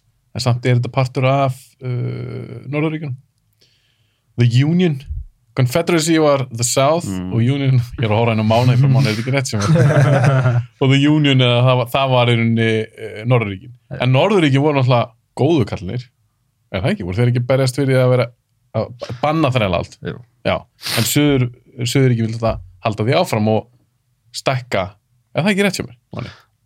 Mm, Jú, jú, jú Þannig að basically hann er með hann var basically, með- já, sem Já. kom með svona pín óvart auðvitað er þetta svart og hvít svona hjá mér núna Mhm. það vænti alveg eitthvað svona gráðu svæði en ég hef alltaf tengt við Söðuríkin í þessu máli voru vondu kallinir Mhm. og Norðuríkin voru góðu kallinir Mhm. og hann er partur af raunir uh, að hann fer gæja sem að hitta hann fljó, fljótlega til hann missi fjölskyldur sína Mhm. hann fer bara í svona liði þeirra Mhm. og þeir eru að drepa á alls konar svo bara er, er þið búin að komast að þeir eru búin að tapa þessu stríði þannig að liði hans í rauninni gefst upp svo er þeim slátrað Mm. þeir eru að ge- gefa sér fram bara hvað við gefumst upp á búin að lofa þeim eitthvað svona amnesty Mhm. sveiku það gefa bara gatling gun út af eitthvað svona uh, hestvagni stúta þeim Josie Wales kemur, hann er búin að skapa sér líka eitthvað svona nafn. Mhm. hjálpar eitthvað til það, skýtur eitthvað gauðra á eitthvað. Svo er það svolítið bara næstu í roadtrip mynd. Ok. af því hann, hún er alveg tveir tímar og 20 myndir eitthvað. Þannig að hann er að fara inn því hann ætlar að endaði að fara heldur til Mexiko, það er þannig eitthvað að tala um það. Mhm. og hann pikkar upp svona fólk á leiðinni alveg alls konar fólk, indjóna eitthvað svona gæja og, og unga konu og mömmu hennar myndar mömmuna fyrir ammennar þannig þetta er svona, svona, svona skemmtileg þetta er svona skemmtileg vestri Mhm. og hann er alltaf bara svo, þess að verið að tala um döma því ég ætla nýpun að horfa ná hann í vestra Mhm. hann er með svo mikið screen presence þessi gaur, það er bara eiginlega engin eins og ístund Nákvæmlega. og, og hvað þá sem kúr ekki Mhm. fyrir mér er hann bara kannski myndi margir segja John Wayne en fyrir mér er hann bara svona ultimate Mhm. kúrikin og ég meina Ístúð skapar hann ekki svolítið svona innan gæslega nútíma kúreka ég meina eins og með spagetti Já, vestrunum. Tekur hann ekki beint við af John Wayne, basically? Jú, þú Þú ert með maður- 50s myndirnar, 40s, 50s myndirnar þar sem þetta er alltaf bara góði gæðin með hvíta hattin, vondi gæðin með svarta hattin Já, og síðan kemur hérna, Clint Eastwood og hann er vondi kúrikinn sem er góði gæðin já, Þannig að svo- bara svona anti, Yeah. anti-hero. Hann heldur því svolítið áfram í, í Josie Wales þetta er mynd sem hann leikstir líka sjálfur. Já, ok. hann fór 76 Sæl. Já. Hann er með cool hatt í henni, hann er með cool búning Hann er með gott skegg. Hann er með gott skegg í henni.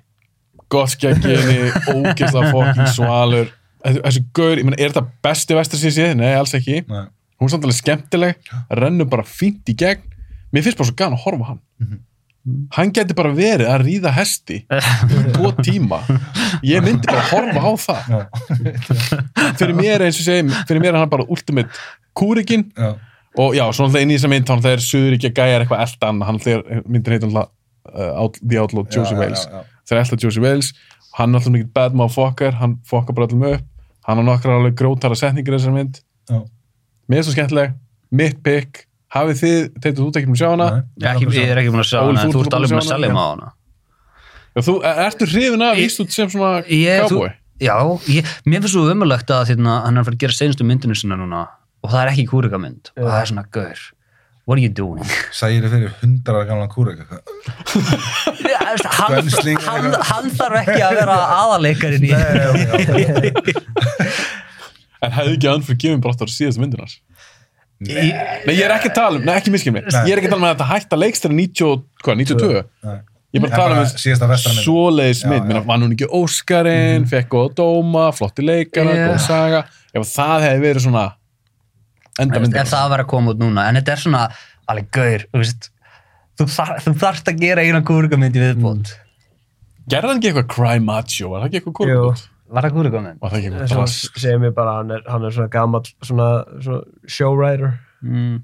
en Já, það það er ekki vestri nei, ég raun ekki Það er eitthvað, en það er líka, svo fyndi hvað hann leggur góða línur fyr, fyrir okkur, eins og með, eins og þú segir, hann er svolítið svona veist, segir kúrikið og hugsar Clint Eastwood sem með með þú veist, hann er búin að leggja niður þessa típu af The Gunslinger, þar sem þú veist þegar þú ert að vittna í þannig í myndum, visually, þá fer þetta í þá hugmyndu, veist, eins og í hann að Rango, þannig að The Spirit of the West það er bara, það er bara Clint Eastwood að með með no name leikin af Timothy Olyphant já, já, já.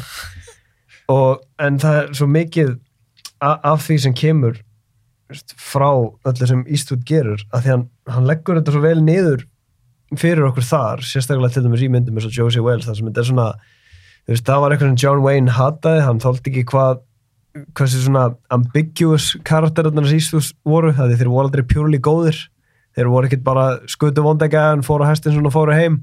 Þá, þeir voru þrítum eins og karakterar til að byrja með. Áhugaverðari. Flott.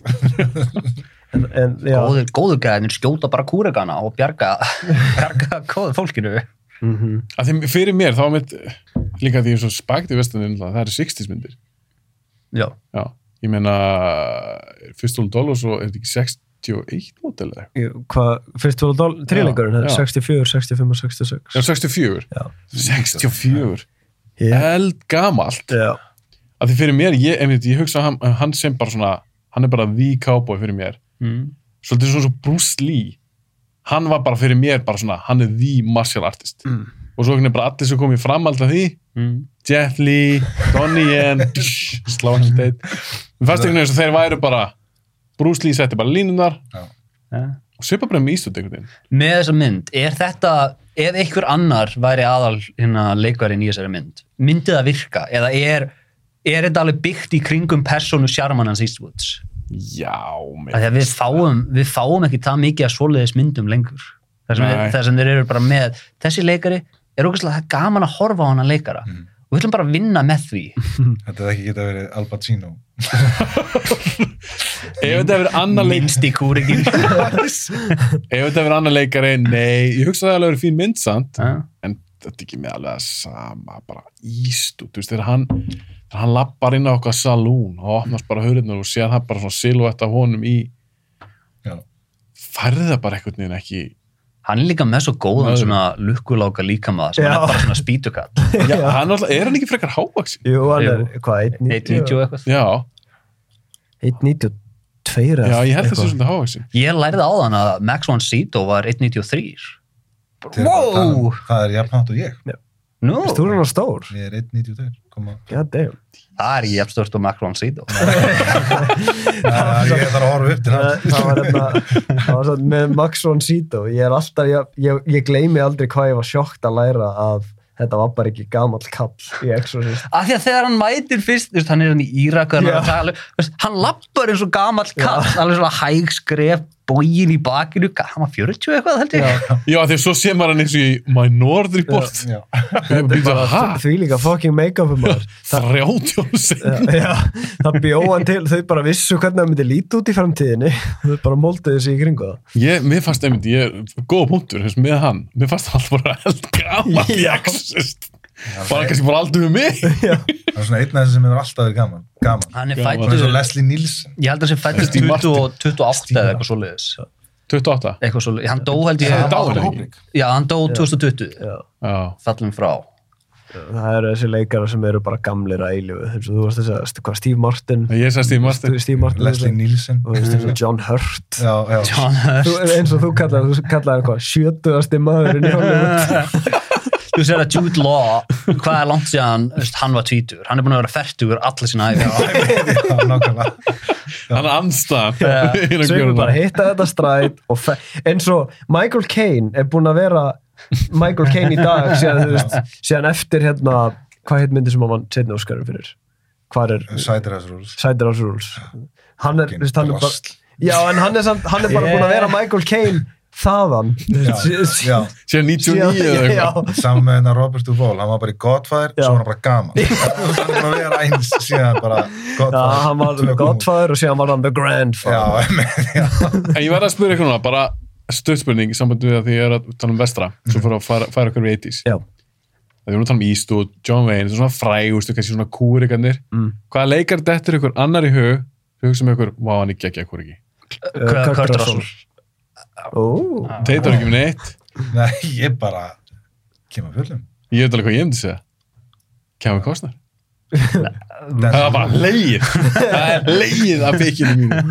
Það er þá Yellowstone. Ég er endur ekki sé Yellowstone, ég er að Open Range sem mynd sem ég þykir og svo The Postman, nei, hann er ekki kúr ekki það, hann er bara Er það ekki post-apocalyptic mynd? Var ekki kúr ekki hann að Wide Earth, War. Colin. Farrell en ég meina, koma, Kurt Russell þú ert með Tombstone, þú ert með Hateful Eight og þú ert með Bone Já, geggja bygg, en ég hugsa samt frek, fyrst um Kev- Kevin Costner. Really? Ég bara, það pappa ekki neitt í húsinu. Nei, En núna þegar ég segja það, þá kannski, jú. Var kannski jú, Colin Farrell Já, förum að halda áfram, förum yfir í Carrey. Nei, ok, sorry. förum yfir í 80s, Teitur er grunlega ekki minn en að vestra hjá sér. Viltu veðja? Ú, ok. Máni, þú byrja núna í 80s. okay. Hvað er að tala um? Hvað var aldrei fyrir 80s? Við erum að tala um næstu uppáhaldsmyndinu mína Já, Bara ever. Ó, Ever, ég, þá veit ég hvað þetta er Þá veit Óli hvað þetta er, það er Blade Runner já. Já! Ok, Blade Runner. Ok, þetta held ég að sé... Þú eru aldrei talað um hann held ég í podcast. Nei, ég aldrei talað um Blade Ok, Runner. hvað um það? Hérna, ég held að þetta sé mynd nummer tvö þar sem, ég, hef, þar sem ég las bókina eftir ég sá myndina. Fyrsta var það Deer Hunter sem er líka aðeinslega mynd og ég held, ég held að þessi Warner Brothers mynd, er það ekki? Nei, Ekki? nei, annars hefði ég valið hana. Er það Paramount? Dý- Dýrhundir er sko, já, um, Allana, hérna, hérna, já, Blade Runner. Þetta er, ah, hvað er maður að byrja? Sko, hún er, já, hún er leiðileg. Ég ætla að spyrja, er hún skemmtileg? Hún, er leiðileg, en hérna, þetta er svo mikið svona ambiansmynd, þar sem þú þarf til að bara svona, þú þarf til að bara setja sjálfa, þú þarf til svona, eins og svona partlega að slökka á partunum af heilinunum sem vill bara fá dopamínið og þú þarf bara að taka hana inn að þetta er svo stór heimur sem er þjappaðar hérna inn í þetta og það er sérstaklega eftir að ég las bókina og þá byrjar maður að sjá svona, ó já ertu það að minna, nú, er þetta ekki byggt á novellu? jú, þetta er byggt- og það, það, veist, í bókinni það er dæmis með Já. sem er svona síndarveruleiki sem þú ferð inn í og það er svona Jésús inn í þessu, Jésús fígura og hann er trúabræðið þitt sem þú upplifir í svona síndarveruleika Mhm. Wisely fjarlægt fyrir myndina og þú þarft ekki að hafa það. Hvað hétt þetta bókin? Eitthvað The Android Android Stream? Dream of Electric Sheep. Ein af betri bókunum hans, besta, besta bókin hans er Ubik þegar hérna, og það er unfilmable. Gætir ekki gert á mynd. Það er hérna, fólk er að fara fram í tíman en tíman á móti er að komast aftur í tíman þannig að bíliðin er að breytast í hestvagn sem breytist síðan í þú veist, hestakerru.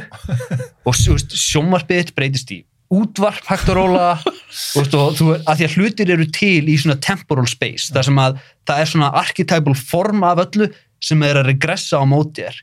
En ef þú hefur Ubik sem er svona gullspray þú getur sprayað á það og haldi hlutunum gangandi í réttu tíma átt.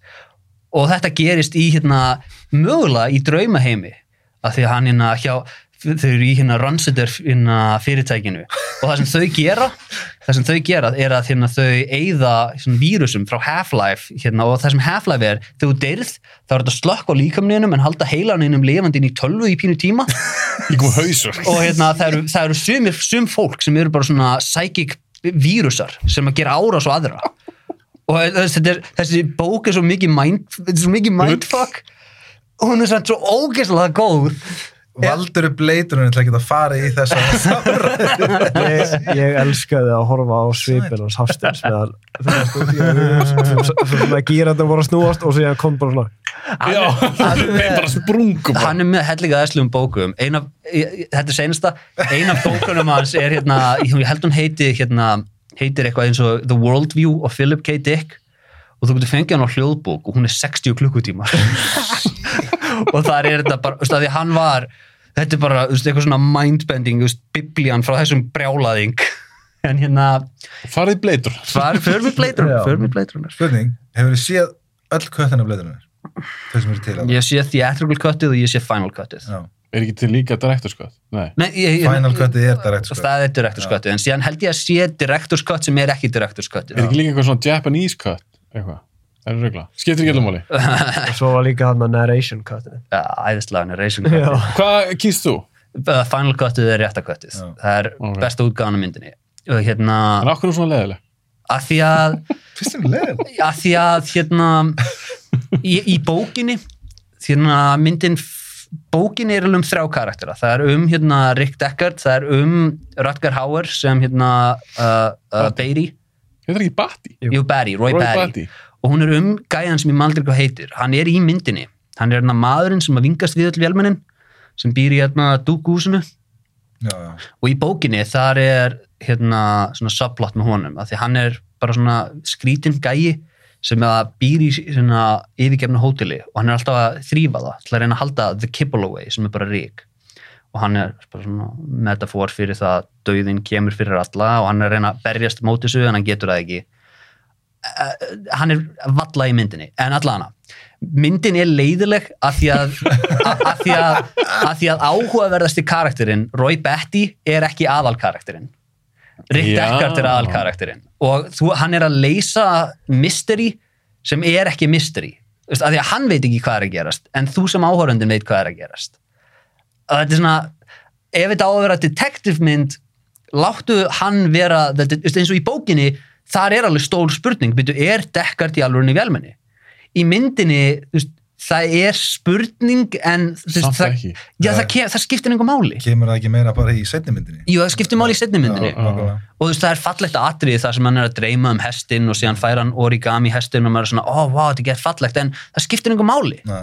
Af því að veist, myndin er um, veist, Roy Betty er að tala um allar minningarnar hans sem hverfa þegar hann deyr og veist, hann er í alveg lifandi, það er samóttan sem vélmenni, hann, hann er manneskja líka. Og það að Deckard sé vélmenni eða ekki, það breytir því Nei. en í bókinni þá er það aðeins öðrísi en hérna, já, myndin er leiðileg sem sagt að því að Roy Betty er ekki aðal karakterinn en my god, þegar Rutger Hauer er á skjánum Christ, þetta er svo, þetta er svo, þetta er svo powerful og þetta er svo mikið svona þetta er hérna náttúrulega Ridley Scott fer aftur í hennan brunn þegar það kemur á Prometheus og Alien Covenant þar sem þetta er svona maðurinn er að hitta Guð hann er að hitta skapara sinn og þarna ertu með Rutger Hauer sem er að hitta hérna Tyrell sem bjóð sig til og hann er að spurja hann, af hverju af hverju getur ég ekki lifa lengur? Og hann fær bara eitthvað svona já, bara því að ljósið sem er tvöfald bjartara, skín tvöfald stittra hann segir það regla betur. En þetta er, þetta er, þetta er svo þú veist, þegar, þegar þú ert þar í myndinni og þú ert að sjá hann mann að reyna veist, hann vill, hann vill ekki hann vill bara fá að lifa aðeins lengur og hann má það ekki. En það er punktur. það er áhugaverðasti punkturinn og það hittir svo, það hittir svo ógeðslega nálægt manni og hérna ekki það að Rick Deckard dóti sér slæmt en það er bara ekki alveg jafn gott en þegar það kemur að því þegar þú ert með Roy Betty þá er þetta næ, næst upp á þess myndi mín. Og, eins- og síðan er bara ef þú vilt bara sjá hana út af visuals, bara practical effectin oh my god. Hönnunin og svona. hönnunin og öllu Það- þessu. Það er síðan- Tónlistin. tónlistin, æðislega Vangelis og hérna fyrir framhaldið fenguður ekki Íslandingin sem dó og hendunum sér út fyrir Hans Zimmer. Jón Sigursson Jón Sigursson? Jón Sigursson? Nei, Jóhann Sigursson Það er ég að hugsa Jón Sigursson er gæðan að 500 kallar Já, nóna, ég veit það. Jóhann Já, Sigurðarsson er leikari. Já, Jóhann Jóhannsson. Ég er ekki, sko, ég er ekkit sammála þegar hann sér leður, sko. Ég, veist, ég skil, ég, skil alveg akkur, akkur Hún er svona leðilegt. Er Ég, ég skil alveg að það sé þín skoðin og ég verði það alveg af Ég er, að- ég er að djóka. af því að það tók mig alveg, sko, ég man ekki hvað, fjóra, fimm tilhörinu að ná, þegar ég var að horfa á hana fyrst, bara ná í gegnum hana, Mhm. bara ég gafst alltaf upp ég bara einhvern veginn náði ekki hvað ég var að horfa á og var eitthvað svona, en svo þegar ég náði í gegnum hana þá einhvern veginn var hún bara miklu betri og Mhm. þegar ég horfa á hana aftur, veist, eitthvað senna um leið og veist um hvað myndin er Já. þá allt í einu svona, ok, Já. ég skil okkur þetta atrið er gott að Já, þess vegna segi, ég, skil á hverju fólk myndi segja að hún var veist, leðileg mynd en, það, en þú veist, því, því ofta sem ég sé hana því betri einhvern veginn og meira entertaining verður hún, fin- finnst mér alveg Ég er alltaf að gefa þessar mynd síðan. Ég er auðvitað búin að sjá hana fimm sinum. en því finnst hún bara genuine leðileg Mér finnst hún leðileg, sko. Eins og með Blade Runner 2049, það er mynd sem ég varst líka leðileg í svona fyrst. Já. En, ólíkt fyrstu myndinni, þá tók ég hann í sátt. Já, Ég tengdi betur við já, setni myndina mhm, til svona aftur. já, já Mér er svona, já, ok, ég fatt að hún er ekkert eitthvað fast-paced, eitthvað brjálaðast Nei, eða entertaining mynd, en mér fannst hún skemmtilegri í annarskipti, Já, en fyrir Blade Runner, ég, ég held að sé líka bara dekkart, ég er bara ekkert að tengja hann í gæja, sko. ekki neitt. Það er að segja að Ryan Gosling sem er meiri persónulegan sjarma en Harrison Ford. Ég er ekki að segja það, Af því að- það er að- mest að að því að veistu það væri ekki brjálað að Goose er Harrison Ford okkar tíma. Yeah. Hvað svo er, hann er Harrison Ford okkar tíma. Goose er það? Myndur þú ganga það langt? ég myndi, já, akkur ekki? Oh, æðislegu leikari, ég myndi segja hann sem er sjarma. Er með þann sjálma hann er ekki með sama sjarma. Og fort. svo er náttúrulega það er ekki með hægt að sjarma. nýta þetta tækifærið til að planta inn Shining með Runner með þyrluskotin. Mm. í byrjuninni, það er alltaf úr Shining. Nú, Ö, Ah, býttu kominur. Já. þyrluskotin sem er í Blade- er ekki byrjuninni, nei ekki Nei, byrjuninni. lokin. Lokin á á eina, á eina af köttinu. Já, er það, er það narration cutið já, Já, þá, þá er, þú veist, þyrluskot þegar hann er komin út í skóinu og eitthvað, já, það er, það er theatrical cut, eða ekki? já, Já, Já. það er sem myndi splæsa svona. Já, þá hérna þurftu að finna eitthvað svona happy ending á það þegar þau voru komin hann út í eitthvað. Skó uh, dr- driving into Og- the sunset. Já. og Ridley Scott ringdi í Kubrick, hann var nýbúin að gera Shining á þessu tíma, 82 sem að Blade kemur út. Og hérna, og Kubrick sendi honum bara fleiri, fleiri hundruði klukkutíma af þyrlu skotum frá Shining, opna skotum og það er, það eina sem eina skilur var að mátt ekki sjást í bílinn. Þú veist, ef að- ef að sást í bjöllina þá máttu hann nota skoti Þetta er aldrei heyrt. í alvörinni Ég hef aldrei heyrt. Þetta er svona svo mjög þetta, ah, er- svo gaman að koma að Kubrick ætli í það þá þetta, er, þetta, er svo, þetta er fullkomin Kubrick saga Já. að því að hann kemur, hey bro áttu, áttu eitthvað svona skot af náttúru eða eitthvað svoleiðis Já. I got you Já. 500 klukkutíman af þyrlu skotum Það verðist að hella bara hvet ykkur og alla sem er að hlusta á hana þátt skilur, það er alveg geðveikt vídeo sem að Ridley Scott er að segja frá þessu og Tarantino situr við hliðin á honum Mm. í svona hérna, Directors Roundtable og Tarantino er bara what? og hann spyrir, hefur það ekki gert það? og hann er ekki, nei, þetta er geðveikt og hann er genuine bara svona mindblown sko. Ok, það er stutt, Ridley Scott. Já, Góð leikstöri. efficient leikstur hann er rosalega skipulaður og góður að koma hlutum í verk en góður, Ég myndi hit segja- and miss Hann- hann- myndi segja fyrstu 20 árin.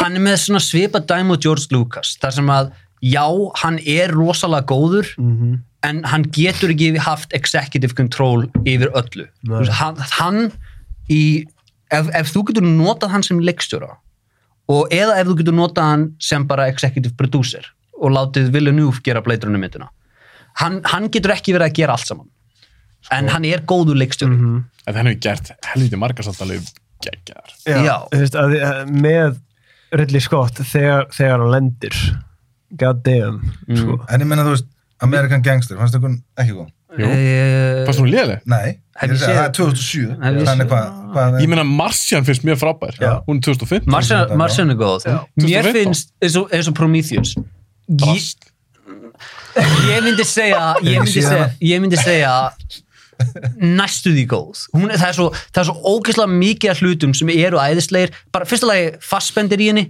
er æðislegur Yeah. Sammála því. Eh, og það er svo mikið, enn og aftur maður fer í svona bleitrunni brunnin og ég sé, ég horf á Prometheus og ég hugsa ég, vei, ég sé hvað þessi mynd hefði geta verið Já, ég ætla samt að taka fram. Ég mun gefa henni annars séns. Ég sá hann bara í bíó. Mhm. Ég þoldi bara ekki, mér finnst það svo kjála skrifuð. Ég veit líka var hann ekki endurskróf. Jú, Lindelof. Lindelof, Lindelof Lindelof kom. kom hann inn og eitthvað. Þetta er ekkert bara honum að kenna. Hann er nú skrifað fullt af okkur góðu stöf. hann hefur skrifað gott stöf eftir á það er alveg clear cutting já, af því að, hvað var þetta, Left Behind us einhverju þættir Leftovers. já, The Leftovers. Leftovers, hann skrifar það og það er- virðist vera að þá lærir hann að skrifa góðar myndir, en vann hann eitthvað Star Trek líka? Jú, Jú, hann vinnur á hellinga svona rusli fyrir það Já. og hann fær endalust að sjensum þar til að á endanum lærir hann loksins að gera góða myndir eftir að hann er búin að rústa á hellinga Já. öðrum verkefnum fyrir og þú En- líka- með hann að hvað hva heita þú hann Kurtzman og já, uh, er hann að Kursman og Orki. já, Kurtzman og Orsi Eða og, Orsi. og, já, Orsi og Lindelof, þeir voru allir á Star Trek Mm. fucking Into Darkness en með Ridley Scott það, þetta er eitthvað svona veist, það er eins og þegar hann er með öll völdin þá er einhvern veginn eins og veist, þá fara gýrarnar að snúast í vittlust átt. En mér, það er eitt sem við sann svo fyndið við, við Ridley ég veit núna allavega tvö skipti þar sem hann fekk veist, það að hann vildi gera ákveðna mynd Mm. drap aðra mynd, af því hann eins og þú myndist á og, og þú líka, hann er góður í að koma hlutum af stað, hann er góður í að koma hlutum veist, í gegn og framleiðslu og allt það. Hann hefur tvisvar completely sögt öðrum framleiðslum að- fyrir mynd sem hún longaði að gera sem urði ekki einu svona góðar það, það er hvað, Alien myndin hjá já, já, það er Prometheus og það er hérna, hvað hva, hva, hva heit setni myndin? Covenant. Alien Covenant hann gerir þessar tvær Alien myndir það, hérna, þessi setni hún slekkur á Alien Sem Blomkamp ætlaði að sem gera. Blomkamp ætlaði að gera en Hinn var... At the Mountains of Madness einmitt. já, alveg rétt Prometheus drap At the Mountains of Madness með Del Toro og Tom Cruise og James Cameron alltaf að framlega hana hún hefði verið betri En það er líka sko, þú veist, það er eitt við, við þú veist, aftur að þessari spurningu, hendum alltaf við það við, minna, ég heit í okkur, þú veist, að, að, að, hvað er að vera góður leikstjóri, skiljum? Mm. Mm. Ég, ég er ógæslega ósamála þessum punkti sem ég ætla að segja, sem er með Gladiator, mm. að þeir fara inn í uh, tökur með 20 blasjur af handritin. Í alveg. Bara fyrsti sequensin í myndinni er ready og þeir skjóta það og ákveða að taka restina on the fly. og þú veist, ég er svo ósamála svona vinnuferli en það að einhver maður geti haldið utan um konkrét sögu í gegnum nýju mánuða tökur að vera ekki með neitt í höndum Og unni, var hún ekki Óskari? Það var besta mynd Best Picture Já, og besta jú og svo, svo var það til en væntana handrit Já. og ger ég ráð fyrir leikstjórn Já, hann vann ekki leikstjórn. var hann var vantar að tilnefndur Já. en svo þú veist, þar er þetta og þú veist, en að Russell Crowe sagði frá þessu þú veist, það var aukaleikari hann að gæðin sem að réttur hann hann hérna spýtu kallana hann Já. sem hann út frá sínan hann, sem minnur hann á fjölskylduna sem hittar hann í Róm sem setna það var ekki, þú veist, hann sett inn í handriti, heldur átt hann bara að vera dayplayer í stríðinu bara vera einhver aðstofumar hans og flýja fyrir hann heim og svo gerist allt sem gerist, skilur en reyndi skotta bara, herri, þessi, þetta lúk, skemmtilega tökum hann með okkur. Og hann var bara flógin út til Marokko bara í tökur og svo var hann bara að chilla það bara í mánuðum skipti þangur hann fekk símdal bara upp á hótel herru, þú mátt koma í fyrir manni Mm. og það var bættið eitthvað hann heitir myndin er sett saman í eitthvað svona designuðu fokki skilur Mm. en verður þetta masterpiece skilur ég, ég, ég er ekki sammálað þessu en þetta hlýtur að teljast góður leikstjóri. Já, þú með getur- eh, hann er, hann er aldrei leiðilegur. Þú veist, ég, ég held ég hef aldrei séð Ridley Scott myndi að hugsa að, vá, veistu, það er bara ekkert skemmtilegt hérna. jafnvel ef, jafnvel ef myndin er ekkert sérskilega spes ég get alltaf séð eitthvað og hugsað, já, veistu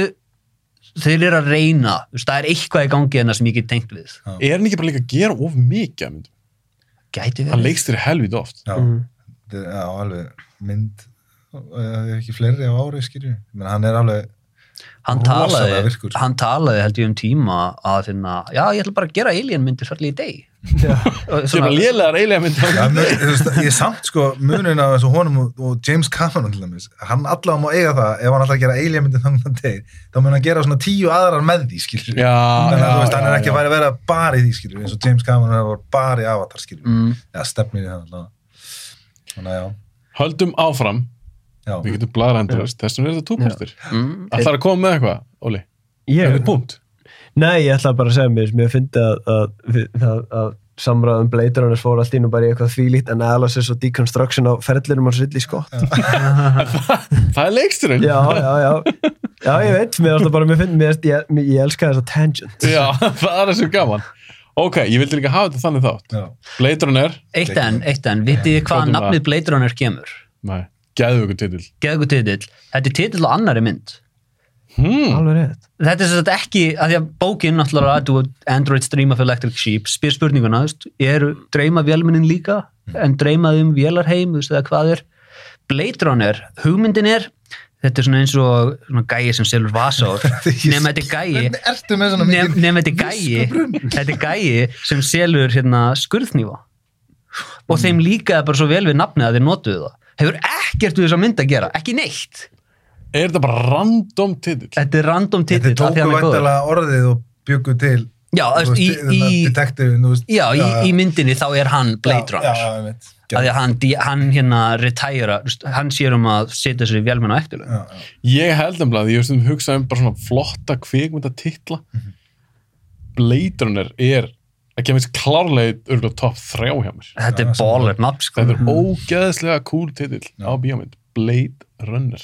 Og líka þú getur ekki, þú getur ekki gefið út mynd sem heitir Android Stream of Electric Sheep Nei, það er alveg cool svona, er, voru ekki að segja þetta eitthvað novella? Já, þetta er alveg cool titill og svoleiðis Já. bók, en ekki ykkur í bíó. Titilli getur ekki verið svona langur. að því og að ekki með þetta plakka það var allar, allar bækurnar hans Philip K. Dick heiti eitthvað svona The Three Stigmata of Palmer Eldridge Martian Time Slip Nei, nema hann að tíma draslið hann að Kubek hann Já, Ubek. Júbek Það er bara stutt. Það er stutt, það er stutt. Ok, ég er, ég er ekki að segja þessi drasl ég, ég er að djóka. Höldum áfram. Og hver veit, kannski er Júbik guldspreyið meira en bara guldsprey oh my god. Það er góð bók, það er góð bók. Þetta er góð bók. Ok, höldum áfram. Ég ætla að reyna að ná inn nefnilega 80s og 90s í fyrirlutunum Sjáum Yes. hvernig hann má klára. Já. Teitur, þitt 80s pick Warner Bros. mynd. Já, ég, ég ætla að svindla. Uh, Aldrei Paramount mynd. Nei, já, gætt Nei, hún er bara, þessi mynd er bara dreifð af Warner Brothers. Ok, Það er satt á listanum með Warner Brothers myndir. Uh, að gíska á það? Nei, ekki það. þetta getur miljón myndir. Mad Max 2 Leikstýr, leikstjórinn er leikstýri hérna áður en að gera þessa mynd á leikstýrun Empire Strikes Back. Oh, Robocop 2 Nei, gott gísk, hann gera hann á eftir þessari. Það Þetta er er- draslmynd Já, Óli, ert þú með það? Nei. Ég er ekki með það. Þetta er Never say never again. Oh já, my god ah, oh. Núna er það tróðið Bóndmur Jesus, þú þurftir að tegja það látt af það Þú vilja googla bara, vonum bara að hluta á drift einhverju bóndmynd hérna, Ok, never say never again. Þetta Er, eru... þetta, er þetta bóndmyndin sem að já. þeir náða svindlaðin? Hún gætti þrjú, komið í sama ára áttupúsi eh, Er þetta þegar Connery kemur aftur? Já. Og hann er miljónara gaman Já. og þeir nýta það í plotti á myndinni. Ok, ok. og ég ætla að taka það fram þetta er ekki frábær mynd. Vá, það er langt því, ég man ekki þetta þessu. Nei, ég persónulega, ég sko, ég er Bond fanatic, eða sko, ég var Bond fanatic þegar ég var yngri allavega. Að, en það verður með mér ykkur bóndþætti já. Þú verður með mér ykkur bóndþætti Þetta spýdróna í gegnum myndunar. ég var alveg, þú veist, já, ég allavega var alveg svona, svona rosalega mikið inn í, inn í öllu svona Bond seti, en þessi mynd einhvern veginn, ég hafa með svona pínu á vagninum svona fastur í svona Eon Pictures. Bara þetta er ekki Bond. Og ég sá hana rosalega seint. Sá hana bara einu sinni og svo er ekkert svo langt sinni sá hana aftur. Þannig séð og, uh, er hún skemmtileg? nei er hún ekki svo skemmtileg? hún Af er, er hún upp á smittin? hún er ekki upp á það, mér finnst hún bara svo áhugaverð vegna þess að ég skil ekki hvernig gauringat eitt svona miklum tíma. Vitið eitthvað um þetta ferli af hverju þetta er ekki bond, bondmynd og allt það? Það var alltaf eitthvað rights issues dæmi eitthvað. Já, út af því að gæin sem er, heitir Kevin McClory eða McCloy eða eitthvað sliðis sem er handriðsöfundurinn hann skrifaði Thunderball með Ian Fleming og átti hugmyndina ymsu shiti þar. Var bókina? bókina, já. Ok, Nei, handritið af myndinni segi ég. ok. og hérna og Ian Fleming tekur síðan og skrifar bók út frá handritinu. Og þar Ah, hefst klemman þar sem að hann kærir hann fyrir að hafa stólið úr handritinu. Og í rauninni er Ian Fleming og það veikur á þessum tíma að þeir setla sem sagt out of court. Og, hann, og það er rauninni setla þannig að hann má í rauninni gera eitthvað með þetta svo lengi sem að það er ekki undir James Bond merkinu í rauninni og þess vegna er þetta ekki, þú veist, Eon Pictures Bondlæði er ekki í þessari mynd en hann, hann leikur svona James Bond hann leikur James Bond og 007 og alltaf, en það er allt nýja leikara, þú veist, það er alltaf sama krúið einhvern veginn, þú veist, sem leika M og Q og eitthvað og þetta er allt eitthvað svona sikkvort liðið þarna núna og þetta er ógeðslega off skorið er allt eitthvað svona jazz oriented sem meikar engan sens verið bondmynd, skilur allt eitthvað svona okkur mótur og eitthvað, þetta er alveg rosalega skrítið. En já, og ég skil ekki hvernig hann ákvaði að koma aftur í þessa mynd, skil, að því hún er heldur ekki peninga, já, en hún er sem þetta ekki eitthvað fáránlega vel fjármögnu, sko. Hann hefur væntalega fengið sinn 100%, hann hefur fengið örgulega megnið af penning, skil, með að við útkomum á myndinni, hefur enginn, þegar hafið þið síðan það? Ég sá bara að ég var klart, já, sko. Um hvað er hún, stuttumáli? Er þetta ekki bara oktober, Octopussy aftur? Nei, þetta er, þetta er í rauninni based á Thunderball. Þetta er, þú Já, er þetta, þetta er Thunderball já, aftur? Já, af því að þið voru öll þessi ár, þú veist, hann var að ná réttinum. til hvað það gera þessa mynd Já, það er það sem mér finnst svo magnað, vegna þess að myndi kemur 83, þú veist, Thunderball eitthvað 65, 45 eitthvað svo Jesus Christ. og hérna, þú veist, þetta er bara þetta er svo langu tími sem hann er að berjast fyrir að gera og svo reynda hann aftur sko, að gera þessa mynd, einhverjum árið setna og svo deyra hann eitthvað upp úr 2000 sko. þessi Kevin hann já, og maður er bara svona, hvað, þú veist?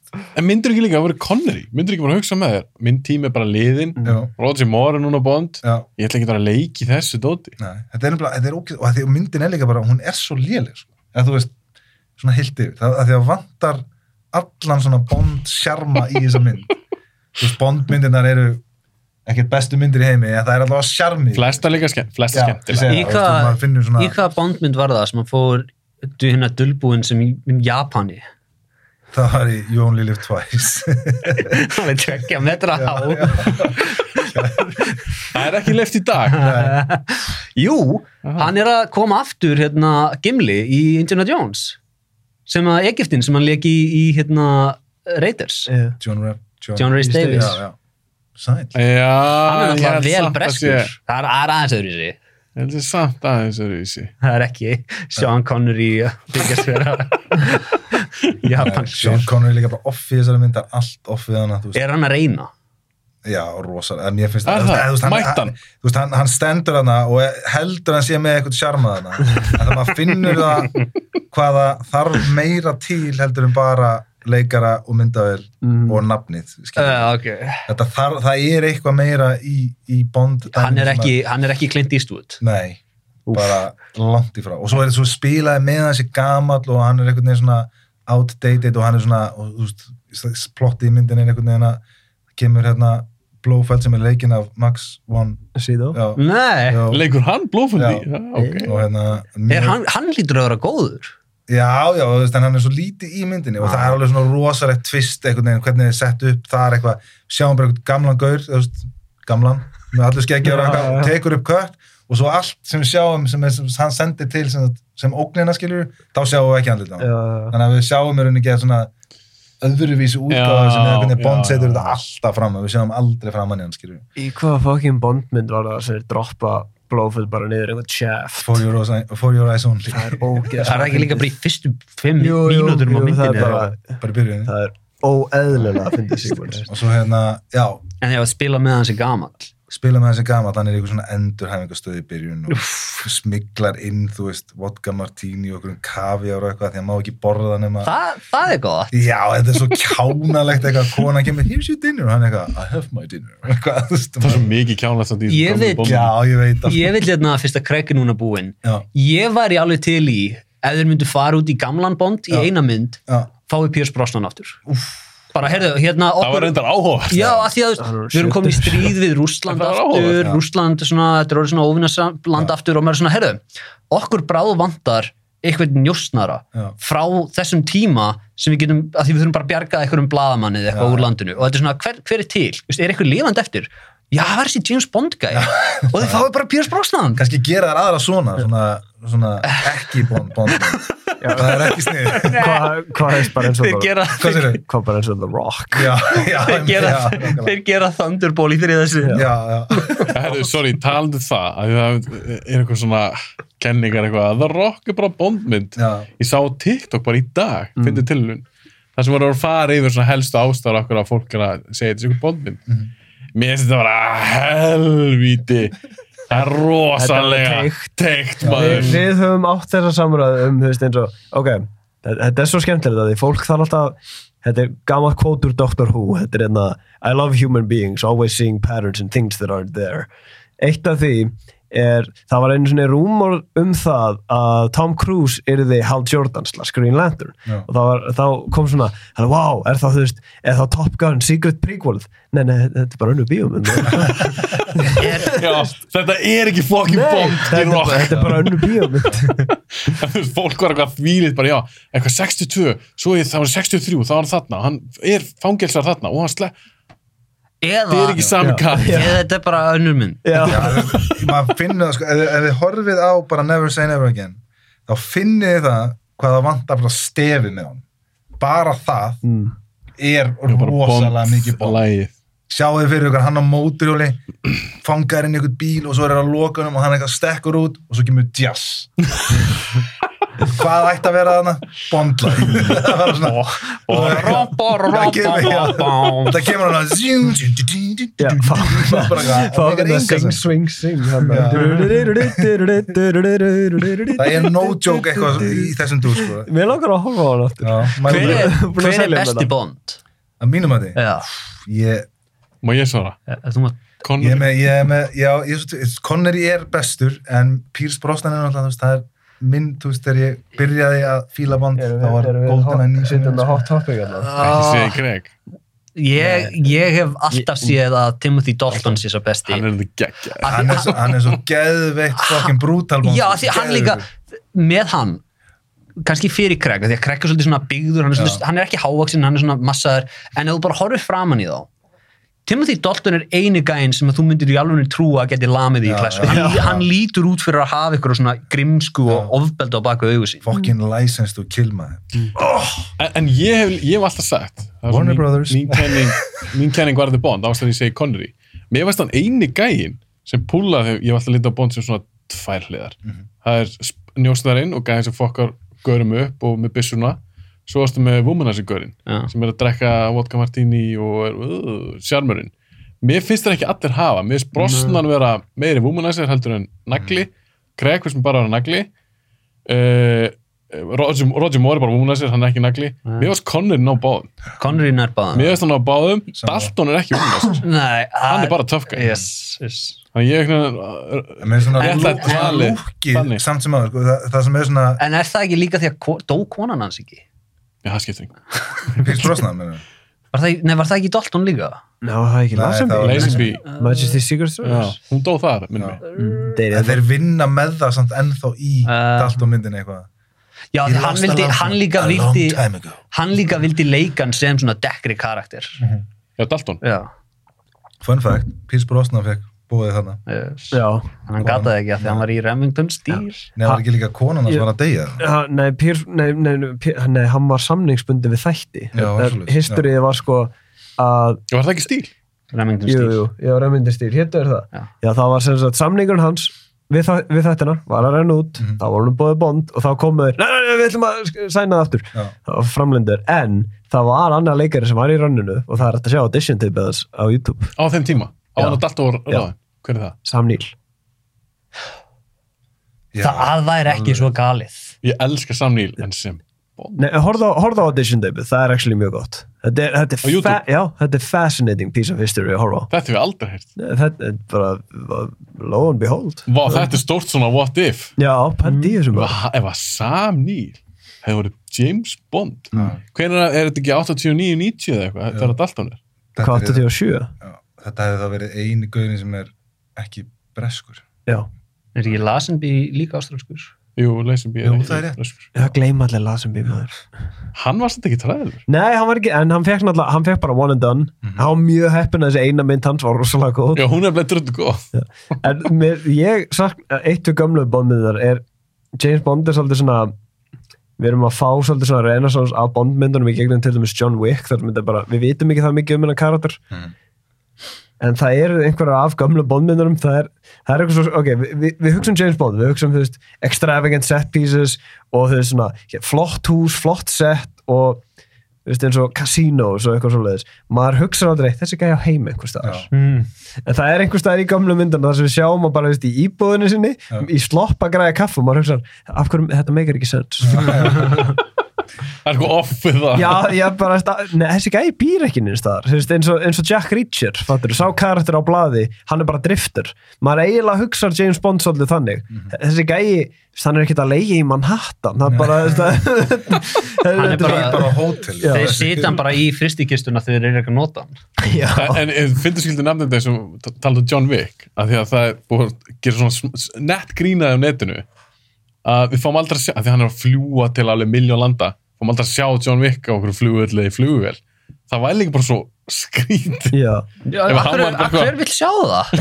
Ég hef svo Þú fær aldrei að sjá hann á klóinu, Ég hef svo oft hugsað þetta sko Þess að ég var að horfa á hérna, fór á Fast and Furious í gær og hugsaði að það var svo mikið að title card sem var eitthvað, þú veist, Portugal Sa, þú veist, og svo bara út um allan heim skilur og svo var þetta alltaf eitthvað svona "We're tracking her flight plan og eitthvað svona dæmi og þá hugsaði ég, wow, hún hefur bókað sér flug frá LA til Brasilíu það hefur tekið helviti marga klukkutíma að vera hann að komast þangað til að fara síðan aftur þangað til að hitta hann þar og segja, er ég hitta hann þarna. Og maður svona, Já. það er svo áhugavert að sjá ferðalagi sko. Þetta er bara the power of editing. Já, en, en það er líka, mér langar að sjá í svona myndum, veist, eins og ef við sjáum þetta í Mission Impossible eða Fast and Furious eða whatever, þegar fólk er að trafa bara Portugal, bla bla bla bla bla bla. Mér langar að sjá eina sinna þess að það er að stíða út úr flugulun einhver er jetlagged as Já. fuck. En þú sagðir, nú manni, hver vil sjá það? En eins og í tilvikið John Wick, að þannig er alltaf að eldan að reyna að drepa Reyndar, hann. reyndar. bara hvernig kemst hann um borð í flugvel og það er enginn að áreita hann. Það var æðislega klippa sem ég sá er John Wick, þar sem að hann og eitthvað gæði sem er að reyna að drepa hann eru svona inn á milli múks af fólki á mismöndi hæðum já, já. og eru að reyna að skjóta hvern annan og þú veistu, ef þú gerir það í flugvilinni, þar sem að það eru tíu gæðir að reyna að drepa John Wick og hann þarf að drepa þá án þess að fólkið fatti að það sé aksjónatrið í gangi Þá komið cool aðri. það Já. er kúladri eins og hérna, eins og hérna The Quiet Lounge í Bullet Train já. það er snill Já. Herru, förum að halda áfram. Ég vissi þetta alveg bara ja, langa þáttur. Ok, við erum, alveg, ekki, við erum ekki komin alveg í tvo tíma. Ég ætla að hafa þennan tvo tíma og svo hérna alltaf tvo tíma líka. við, við og þú erum eftir í 80s Við erum eftir eitt. Sagast þið þurfi bara að vera fljótir Ok, ég valdi það er eitthvað svona vandræðalegt Ég varð að hafa eina síkalmynd. Ég tengi síkal líka svolítið mikið Warner Brothers. það verður öll að bruni ekki með þetta er það Under Siege Nei, ég valdi Þessi, þetta sýnir hvað ég veit ekki nóg mikið um síkal. Já, Under ég- Siege er ég- 90s mynd. Það er Ég ekki... er bara nákvæmlega sama Veist þú ekki neitt um heldur? Mjög lítið, bara hann er fáið Ok, það er, það er nokkur allir sem ég vil nefna það, þetta verður bara stutt. Ég ætla, ég ætla einhvern tíðan að gera Seagal þá. Fyrsti bíoblasáttur Sagt með svo miklu stopp. Fyrsti bíoblasáttur sem ég tók upp var Steven Seagal. Ég gaf hann aldrei út, en ég á hann, en þá, heima. Mér kannski einhvern tíðan gefa hann út sem svona, bara. Oh, do. En ég elska gömlu Seagal myndunar. Mm. að þetta er alveg áhugaður fyrir sem maður nátti og ég veit hann er fáiði, hann fór að leikja algjör drasti síðan meir.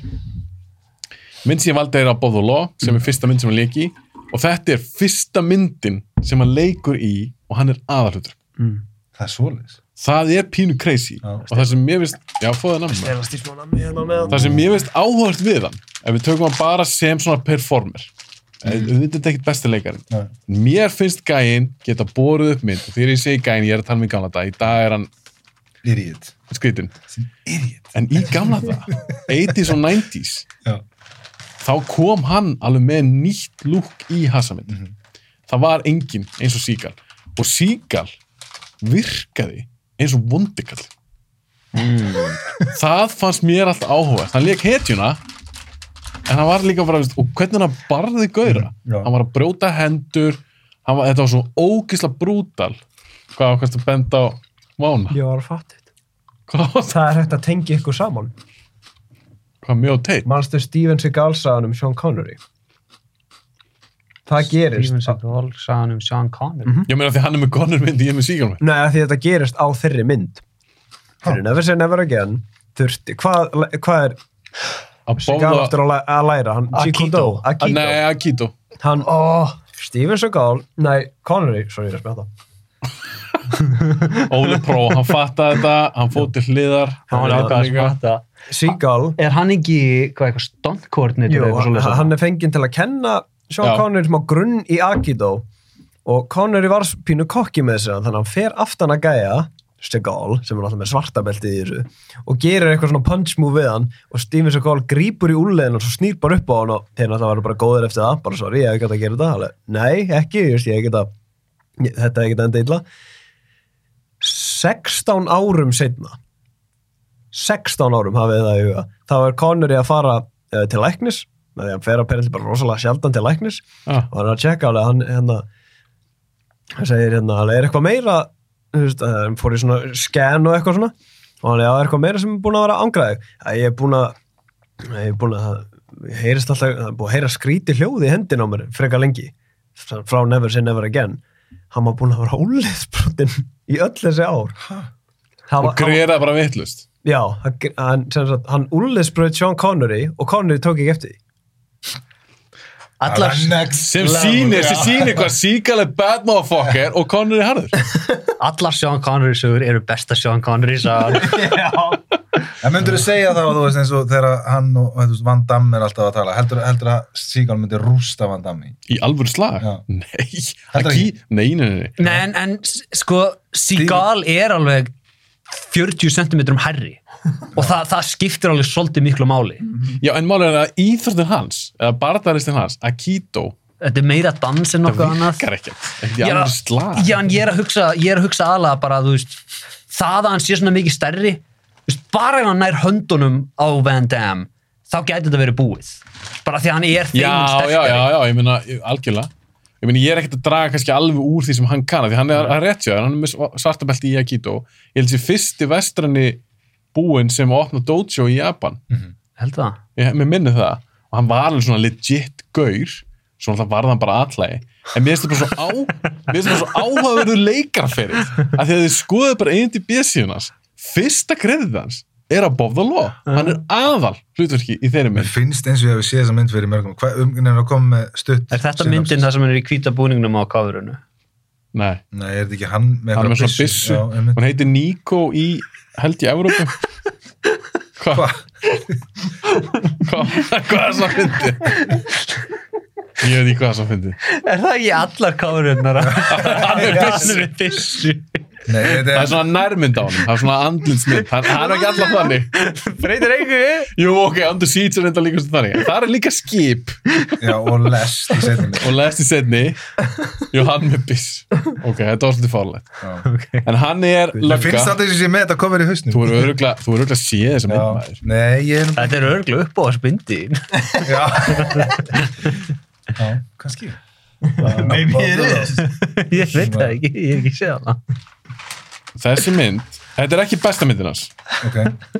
Vestamindin hans. Hver er Nei, besta myndin hans? Besta myndin hans. Það er eftir einhvern skilgrinni bestu, en ég veit að þú segir, já, ég skilgrinna bestu. En þetta er kofrið. Limit, já. Mér finnst besta myndin hans örgulega Under, Under Siege, fyrsta. Þó það sé svona pínu bara svona Die Hard on a Boat. Þú sjá kofrið. Já, já. Ég held að þú hefur bara engan... þetta er að bóðula. Er plakað. Fyrsta myndin hans og ástæðin valdi hana, þetta er alltaf 80s mynd, kemur 88 og hún startaði þessu ferli hjá þessum manni og ég elska fyrstu svona 5-6 myndin hans. Svo svona aðeins setna mér, þá áttum svona eina og eina ágætismynd sem svona hasar að því mér fannst svo gaman að sjá hvernig hann barðist í göruna. Þetta var ekkert eitthvað fancy spörk. Þetta var ekki svastningur með eitthvað stóra vöðva. Þetta var bara hann að brjóta hendur uh, eitthvað svona judo kung fu chop eitthvað í hálsin það var allt svo ógislega brútal berja menn í borð slá menn með biljartkúlum Þú drafst það. Svona. Hendandi nóa kropp í kokið á fólki, drepandi það. en bestu myndin hans eru Under Siege og mynd sem heitir Out of Justice og ég var mjög náttúrulega að velja Out of Justice fyrir sem, sem 90s mynd en ég hætti við það því ég vildi bara eina síkar mynd en hún, Gerir hann- hún líka aðeinslega Gerir hann ennþá góða myndir? nei, Er alveg, það er látt síðan að er gera alveg góða mynd. áratugir síðan? já, já.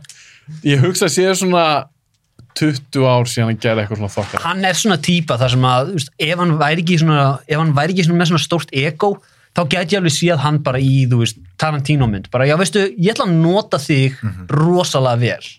hann var alltaf í Machete Já, leik hann ekki já, Rodríguez Foss? Nei. Nei, fórsetinu var Charlie Sheen, var það ekki? Í alveg. Með minna að vera Machete, hvort það er Machete, gerði ekki tvær? En Machete Kills. hvað heitir hérna myndin sem hann gerði oh, sem var hann, þetta er Romeo Die hérna, hann gerði Exit Wounds. Exit Wounds, maður. Exit Wounds er alveg skemmtileg. Já, mér, mér, hún kemur okkar 2001, Eitt, 2002 eða eitthvað. Það er þegar ég er sko 12 ára. Já, en það var svona compact myndinast síkal þannig þegar ég fór hann í bíó það var fyrsta síkalmynd sem ég gæti séð í bíó 2001, Mm. var 18 ára og ég var svo pumped Hún var alveg fín þegar maður var yngra ég hef ekki séð hana síðan bara 2003 eða eitthvað. Já, hún er alveg netthattarsleg en samt alveg fín, en það er síðasta svona lala myndina, svo er ég bara Er það ekki Warner Brothers? Jú, það er Warner Bros. Jú. Þess vegna er mitt, þetta er Warner Bros. þáttur síkal í mínum huga er Warner Bros. leikari höldum áfram, Óli. Kláraði þetta sjá okkur. Ok, áður en ég fer samt í þetta Mér finnst þetta rosalega fascinating að við erum að tala um þetta veist, Við erum með, ég veist eins og Steven Seagal Þetta er bara svona tímabil sem kemur en veist, það er þetta að líta tilbaka á alveg að svona Steven Seagal tímabil. Við erum náttúrulega lifandi á góðum punkti. Ég með núna í sögu bíómyndina sem við erum að sjá þetta allt gerast í bytni Þú veist eins og þetta er 20 ár þá getum við fara að benda fólki á þú veist, goddamn Tom Cruise, fattur og bara katalógi hans. Og líka þú veist, eins og með westerns og, og game myndir og eitthvað, þá munum við náttúrulega benda bara á Marvel bara. Þetta er það sem þetta, er bara, þetta var the hot shit þegar þegar við vorum Já, þessum tímapunkti. mér finnst það alltaf rosalega fascinating að þú ert með James Bond myndir sem eru 20 eitthvað myndir og núna eru Marvel myndir sem eru náttúrulega bara að verða 30 talsins. En er ekki alltaf, í öllum, öllum áratum, alltaf eitthvað? það er alltaf eitthvað svona og þú ert líka með eitthvað svona fyrir horror með Universal, með Hammer, what have you en ok, fyrir mitt 80s pick mm, ég valdi Little Shop of Horrors Já! yeah! Ég sá hann að síðast ég var krakki. Hvað er með það? Ég held ég, ég held ég hef ekki síðan nema bara leikritið. Þú varst í leikritinu. ég var í leikritinu Já, þú Og- ert leikritið. ég er í leikritinu Little Shop of Horrors, ég er dildu áhugavert pick. Óli, hvað er með það? Af hverju valdur hana? uh, Directorskottið, sérstaklega og það, það er með rétta endirinn um, Hver leikstir eru henni? uh, Frank Oz Leikstri Frank Oz. yeah. Var Rick Moranis í sinni? Já. Já. og, og Steve Martin með svartál Steve Martin. Svart Já, hár? hann, hann leikur tannlæknir og Bill Murray sem masokisti sem fettir Var Bill Murray líka? Já, hann leikur gæja sem heitir tannlæknir svo hann elskar sásauka sem cancelar út tannlæknir sem elskar að láta fólk þjást það er rosalega að fyndi að því hann fær ekki, lengur, hann fær ekki kikk út í að meðgæðan en, Ég er akkurat allir þessu upp á smyndið þín frá, þessu- frá Warner Brothers á þessum tíma. Er þetta uppáhaldsmyndin? Nei, Nei, nei. Nei, við völdum ekkert uppáhaldsmyndunar. Ó. Mánir enda að gera það. Ég held að áttum að velja upp á smyndunar Nei, ég, ég, ég var, það voru aðra sem komið til greina, mér fannst ég hafa eitthvað meira að segja um þess að ég, ég elska leikritið, ég elska tónlistina, ég elska líka bara myndina, mér finnst þetta gott adaptation, og þetta er bara allt þetta puppetry, allir þessi practical effects, söngvarnir er allir bara on point, það er mér að það er ekstra í, í, í, ég þarf að sína ykkur þetta síkonsnegu það er, þú veist, í opnaðarsennunni, hann að Down on Skid Row, það er svona karakterar, uh, leikarar sem syngja svona ein og eina línu og það er einn gæi, hann mætti til leiks hann er bara besti söngvarinn í þessu öllu í öllu söngurlengutinu og hann er með eina línu en uh, já, ég er bara svolítið gam þetta er bara, þetta er þægilega áhorf þetta er skemmtilega þegar soundtrackið er bara eitthvað sem að færa heilan Rick Moranis er náttúrulega alltaf æðislur Við verðum aðeins að tala um hann. mm. Það er leikar sem ég þykir rosa væntum. Ég er alltaf ólsund upp með hans myndum. Svo skemmtur leikari. Talandi um Hann hvarf. Já, Hann fór að alveg bönni sín. Já, hætti hann ekki bara. Þetta er konan hans deyr, var það ekki? Jú, ég held að Því lík góð mannesk bara fuck Hollywood Yep. Og ég meina, hann er, er ekki alveg 20 okkar ár síðan hann bara lit sér hverfa. Jú, það er alveg góð Það svolítið langt síðan hann hætti að leika. Hættir í það 90s eitthvað hann hæ- hættir hvað, 90 eitthvað, ég man ekki alveg hvað síðast um Það er örglega eitthvað Shrink the Kids Já, mynd. það var eitthvað en, en já og Sorry, ég ætla ekki að trubla, ég fór bara allir að hugsa um Moranis. hann er æð, æðislegur sko. en svo var það 2015 þá var uh, litla Sjá Little Shop Horrors, þannig að hún var stilt upp í Vestmannum og þar fekk ég að það var fyrsta sem ég steg á svið Og hvað finnst, finnst að leika eitthvað stórt hlutur? Uh, nei, eh, ég var mjög heppin með hvað ég fekk sko, það er, það er karakter í handritunum sem á að vera leikinn af sama gæja og leikur tannlæknarinn, þetta er svona skiptilutverk en leikstjórun ákvað að splitta því niður í, veist, til að gefa fleirum tækifæri til að vera í verkinu, þá gerði hann þetta þrejum sikkur hlutur, það sem kom einn inn svo kom annar, svo kom annar. Og ég fór aðna, ég, ég á plataður í þessar pröfur, að plataður, ég á manaður í þessar pröfur á hún að kitta vinnu mínum hefði að dróma mig niður í leikurs sko og ég var, ég var geð stressaður af því ég er einin í ég gæðin hann og en ég ákvað bara að syngja. Og Steppi leikstjóri hann var bara mjög almennilegur og hann sá bara hvað ég var töðastyrkur uh, en hann gaf mér honum fannst ég syngja ágætlega þannig ég fekk lítið sönglutur þannig ég fekk, að, ég fekk að koma inn og syngja og ég að fara og koma aftur inn og syngja og vera svolítið mikið á sviðin að syngja bara.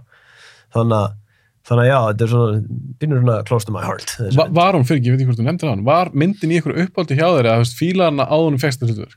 Mm, eh, nei, ekki það mikið. Ég hafði bara svolítið gaman af, sem sagt, ég, haf, ég hafði aldrei séð myndina áður en ég sótti minn, sem ég segi, ég á manaður í. Já, Pröfur. já, ok, þannig að þú sást myndina eftir og leggst í... Ég sá myndina eftir að ég fekk hlutverk í myndinni, þannig að ég vildi svona vita nákvæmlega hvað ég var að stíga inn í. En ég hafði náttúrulega séð Dentist sinnuna því hún er iconic. En já, þetta, mér fannst það bara að vera frekar easy pick fyrir mig, af því ég fæ, ég fæ lögin úr þessu leikiti ennþá randomly á heilan, bara day to day. Ég finnst það geggjum pick, svo Blade Runner, Little Shop of Horrors, ég er með bestu myndin náttúrulega, Never say svo never. Tatum and Never so Never Again. Hvað, þú ert 82 eða ekki, Máni, þú ert með 86. 6, ég er með 88, 83. 83. og og enginn á komið sama ár. Nei. Svolítið skemmtilegt. Líka allt, allt svona Allt öðri óbrotmyndir. myndir. Já. Já, það er allt, líka áðan. Já, en þetta var svona, ég held að þetta 80s allan að koma alveg, þú veist, þetta Steven Seagal er svolítið þitt jam og síðan Blade Runner upp á myndin, þú ert mikill Næsti Bond boss, næsti fan boss. og ég er mikill musical fan. Já, það er svolítið skemmtilegt. Kartan okkar Mér kristallast mér í finnst bara svo, pikkinu. já, a- a- ætlum við að slúta þessu? Ég, ég nenn ekkert meiru. Nei. Þetta var bara stjórnsveitir. Ég er að pæla hvort þeim ekki bara taka 90s í... Jú, þá langar Í að segja part eitt með, með þetta, það sem ég tók eftir því að var að bara svona samkaða með þessum myndum frá Warner Brothers. Djöfull átti Harrison Ford mikið rönn í 80s. Yeah. Holy moly, sko. Komdu með eitthvað, hann er náttúrulega með Sko, Indy, já, og svo- er ekki Han vitnis, Solo, hann er með Rick Deckard, Og svo er hann með þessar, veist, vitnis er 80s myndið ekki. Jú. jú, fyrir þar vitni, svo er hann með Frank Riddick Hann er með Working Girl held ég já, já gott ef ekki og svo er önnum mynd sem Skemmtilegt að ég svona setti inn flick. sem að ég hætti við sem er semst Mosquito Coast sem er til Peter Weir Já, já, já. Geðveik hana sá ég ekki Með River Phoenix Eða ekki? Var Jú, hann ekki? hann leikur svona hans, Jú. já, einmitt En þú veist, ég var bara að hugsa þetta af því þegar þú nefndir bleitirinn að fatta, já, shit, það er líka hún ég hann alltaf með, er fa- já, ég veit, hann er með og svo var hann með indie dæmið allt oh my God. Star Wars Indie Runner já, og svo fullt af öðrum skilur við Já, inn á milli. já. og við erum að tala um að vinna með Polanski, vera með Peter Weir og þú veist, hvað heitir hann sem gerir Witness hann heitir, hann heitir var það ekki eitthvað svona letin? Býtum við sem gerir Witness var það ekki? Var það ekki, það er ekki Peter Weir Jú, það er auðvitað Jú, er það ekki? Peter Weir gerði var Witness hann að þá tvísa með hann? Þetta er sama ára Er það ekki rétt sem er? Ég held að það hafi verið Peter Weir sem gerði Witness Hún og góð. Geðvik Ó, talandu velskriða mynd maður Ég væri að tjekka á þessu, þetta er bara í loki Peter Weir gerði var besti. Hvernig, hvernig líður þér núna þegar hérna, tölvurnar eru að fara að skrifa allar myndundar fyrir? Já. ég var nú bara á einni gæðir ég er vissum að einhverju sagt X write me the 10th Fast and Furious movie ég er alveg vissum að það hefði verið upp að, ég er ekki eins og að grínast í ykkur.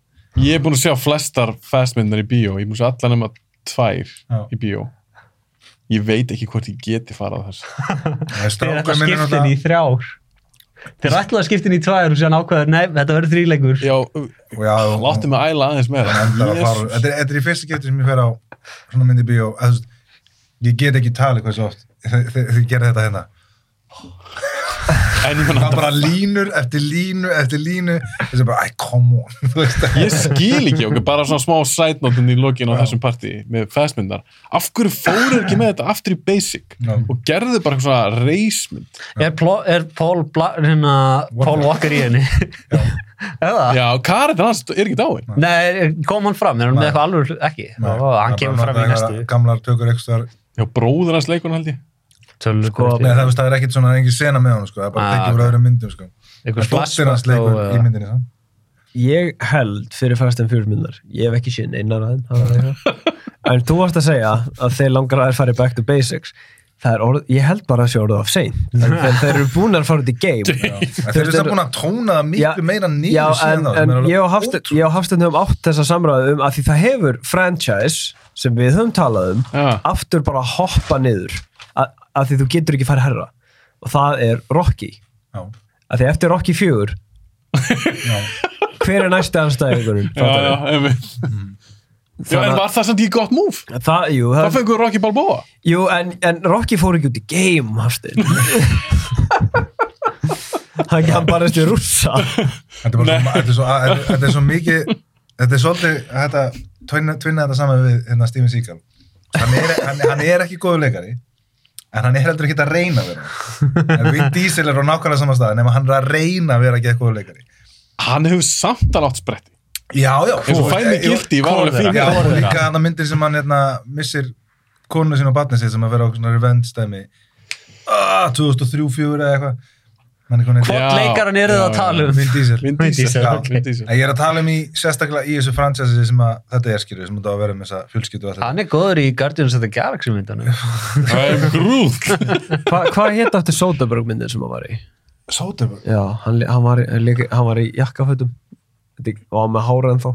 Þetta er ekki fæmi gildi Það er ekki þegar hann er Jú, jú, jú, Það er Sidney Lumet Og ég var að gleyma gera sót Já, það ekki. Nei, Sidney Lumet gerir hana. Já, Sidney Lumet. já. En Diesel er fínn í henni? Já, Er hann- hann hefur alveg verið fint, ég er alveg sammála. En Óli er- Seagal var ekkert gott. En ég er að tala um sko núna, þegar maður er að horfa á þessa myndir hann er að taka svona drama þú veist, Hann er að moment og það er svo ógeðslega forsað og vond og maður er bara, oh og maður sé bara, já ok, hann er að hugsa um Paul Walker hann er ekkert að, skæin býr við hliðin á honum og er ekki dáinn en hann er samt bara eitthvað oh, og horfa á okkar myndir og maður svona Já, þú meina því að Karin það sé ekki dáin? Já, Já. en þú veist, og svo er alltaf verið að sína ykkur svona myndir af þeim saman og svona, oh, svo þetta helvitislag sem er svo sem fín, Kom það aftur? Takk fyrir mig. Herru, drafta við Já, hún veika bara tvo tíma þessi fucking vel Herru, förum bara að taka smá pásu og við komum aftur eftir það var 90s, noughties og tens, ætlum við að segja það ekki bara? Tens? Yeah. Yeah. Engin tangents Herru, við sjáumst bara eftir fimm myndur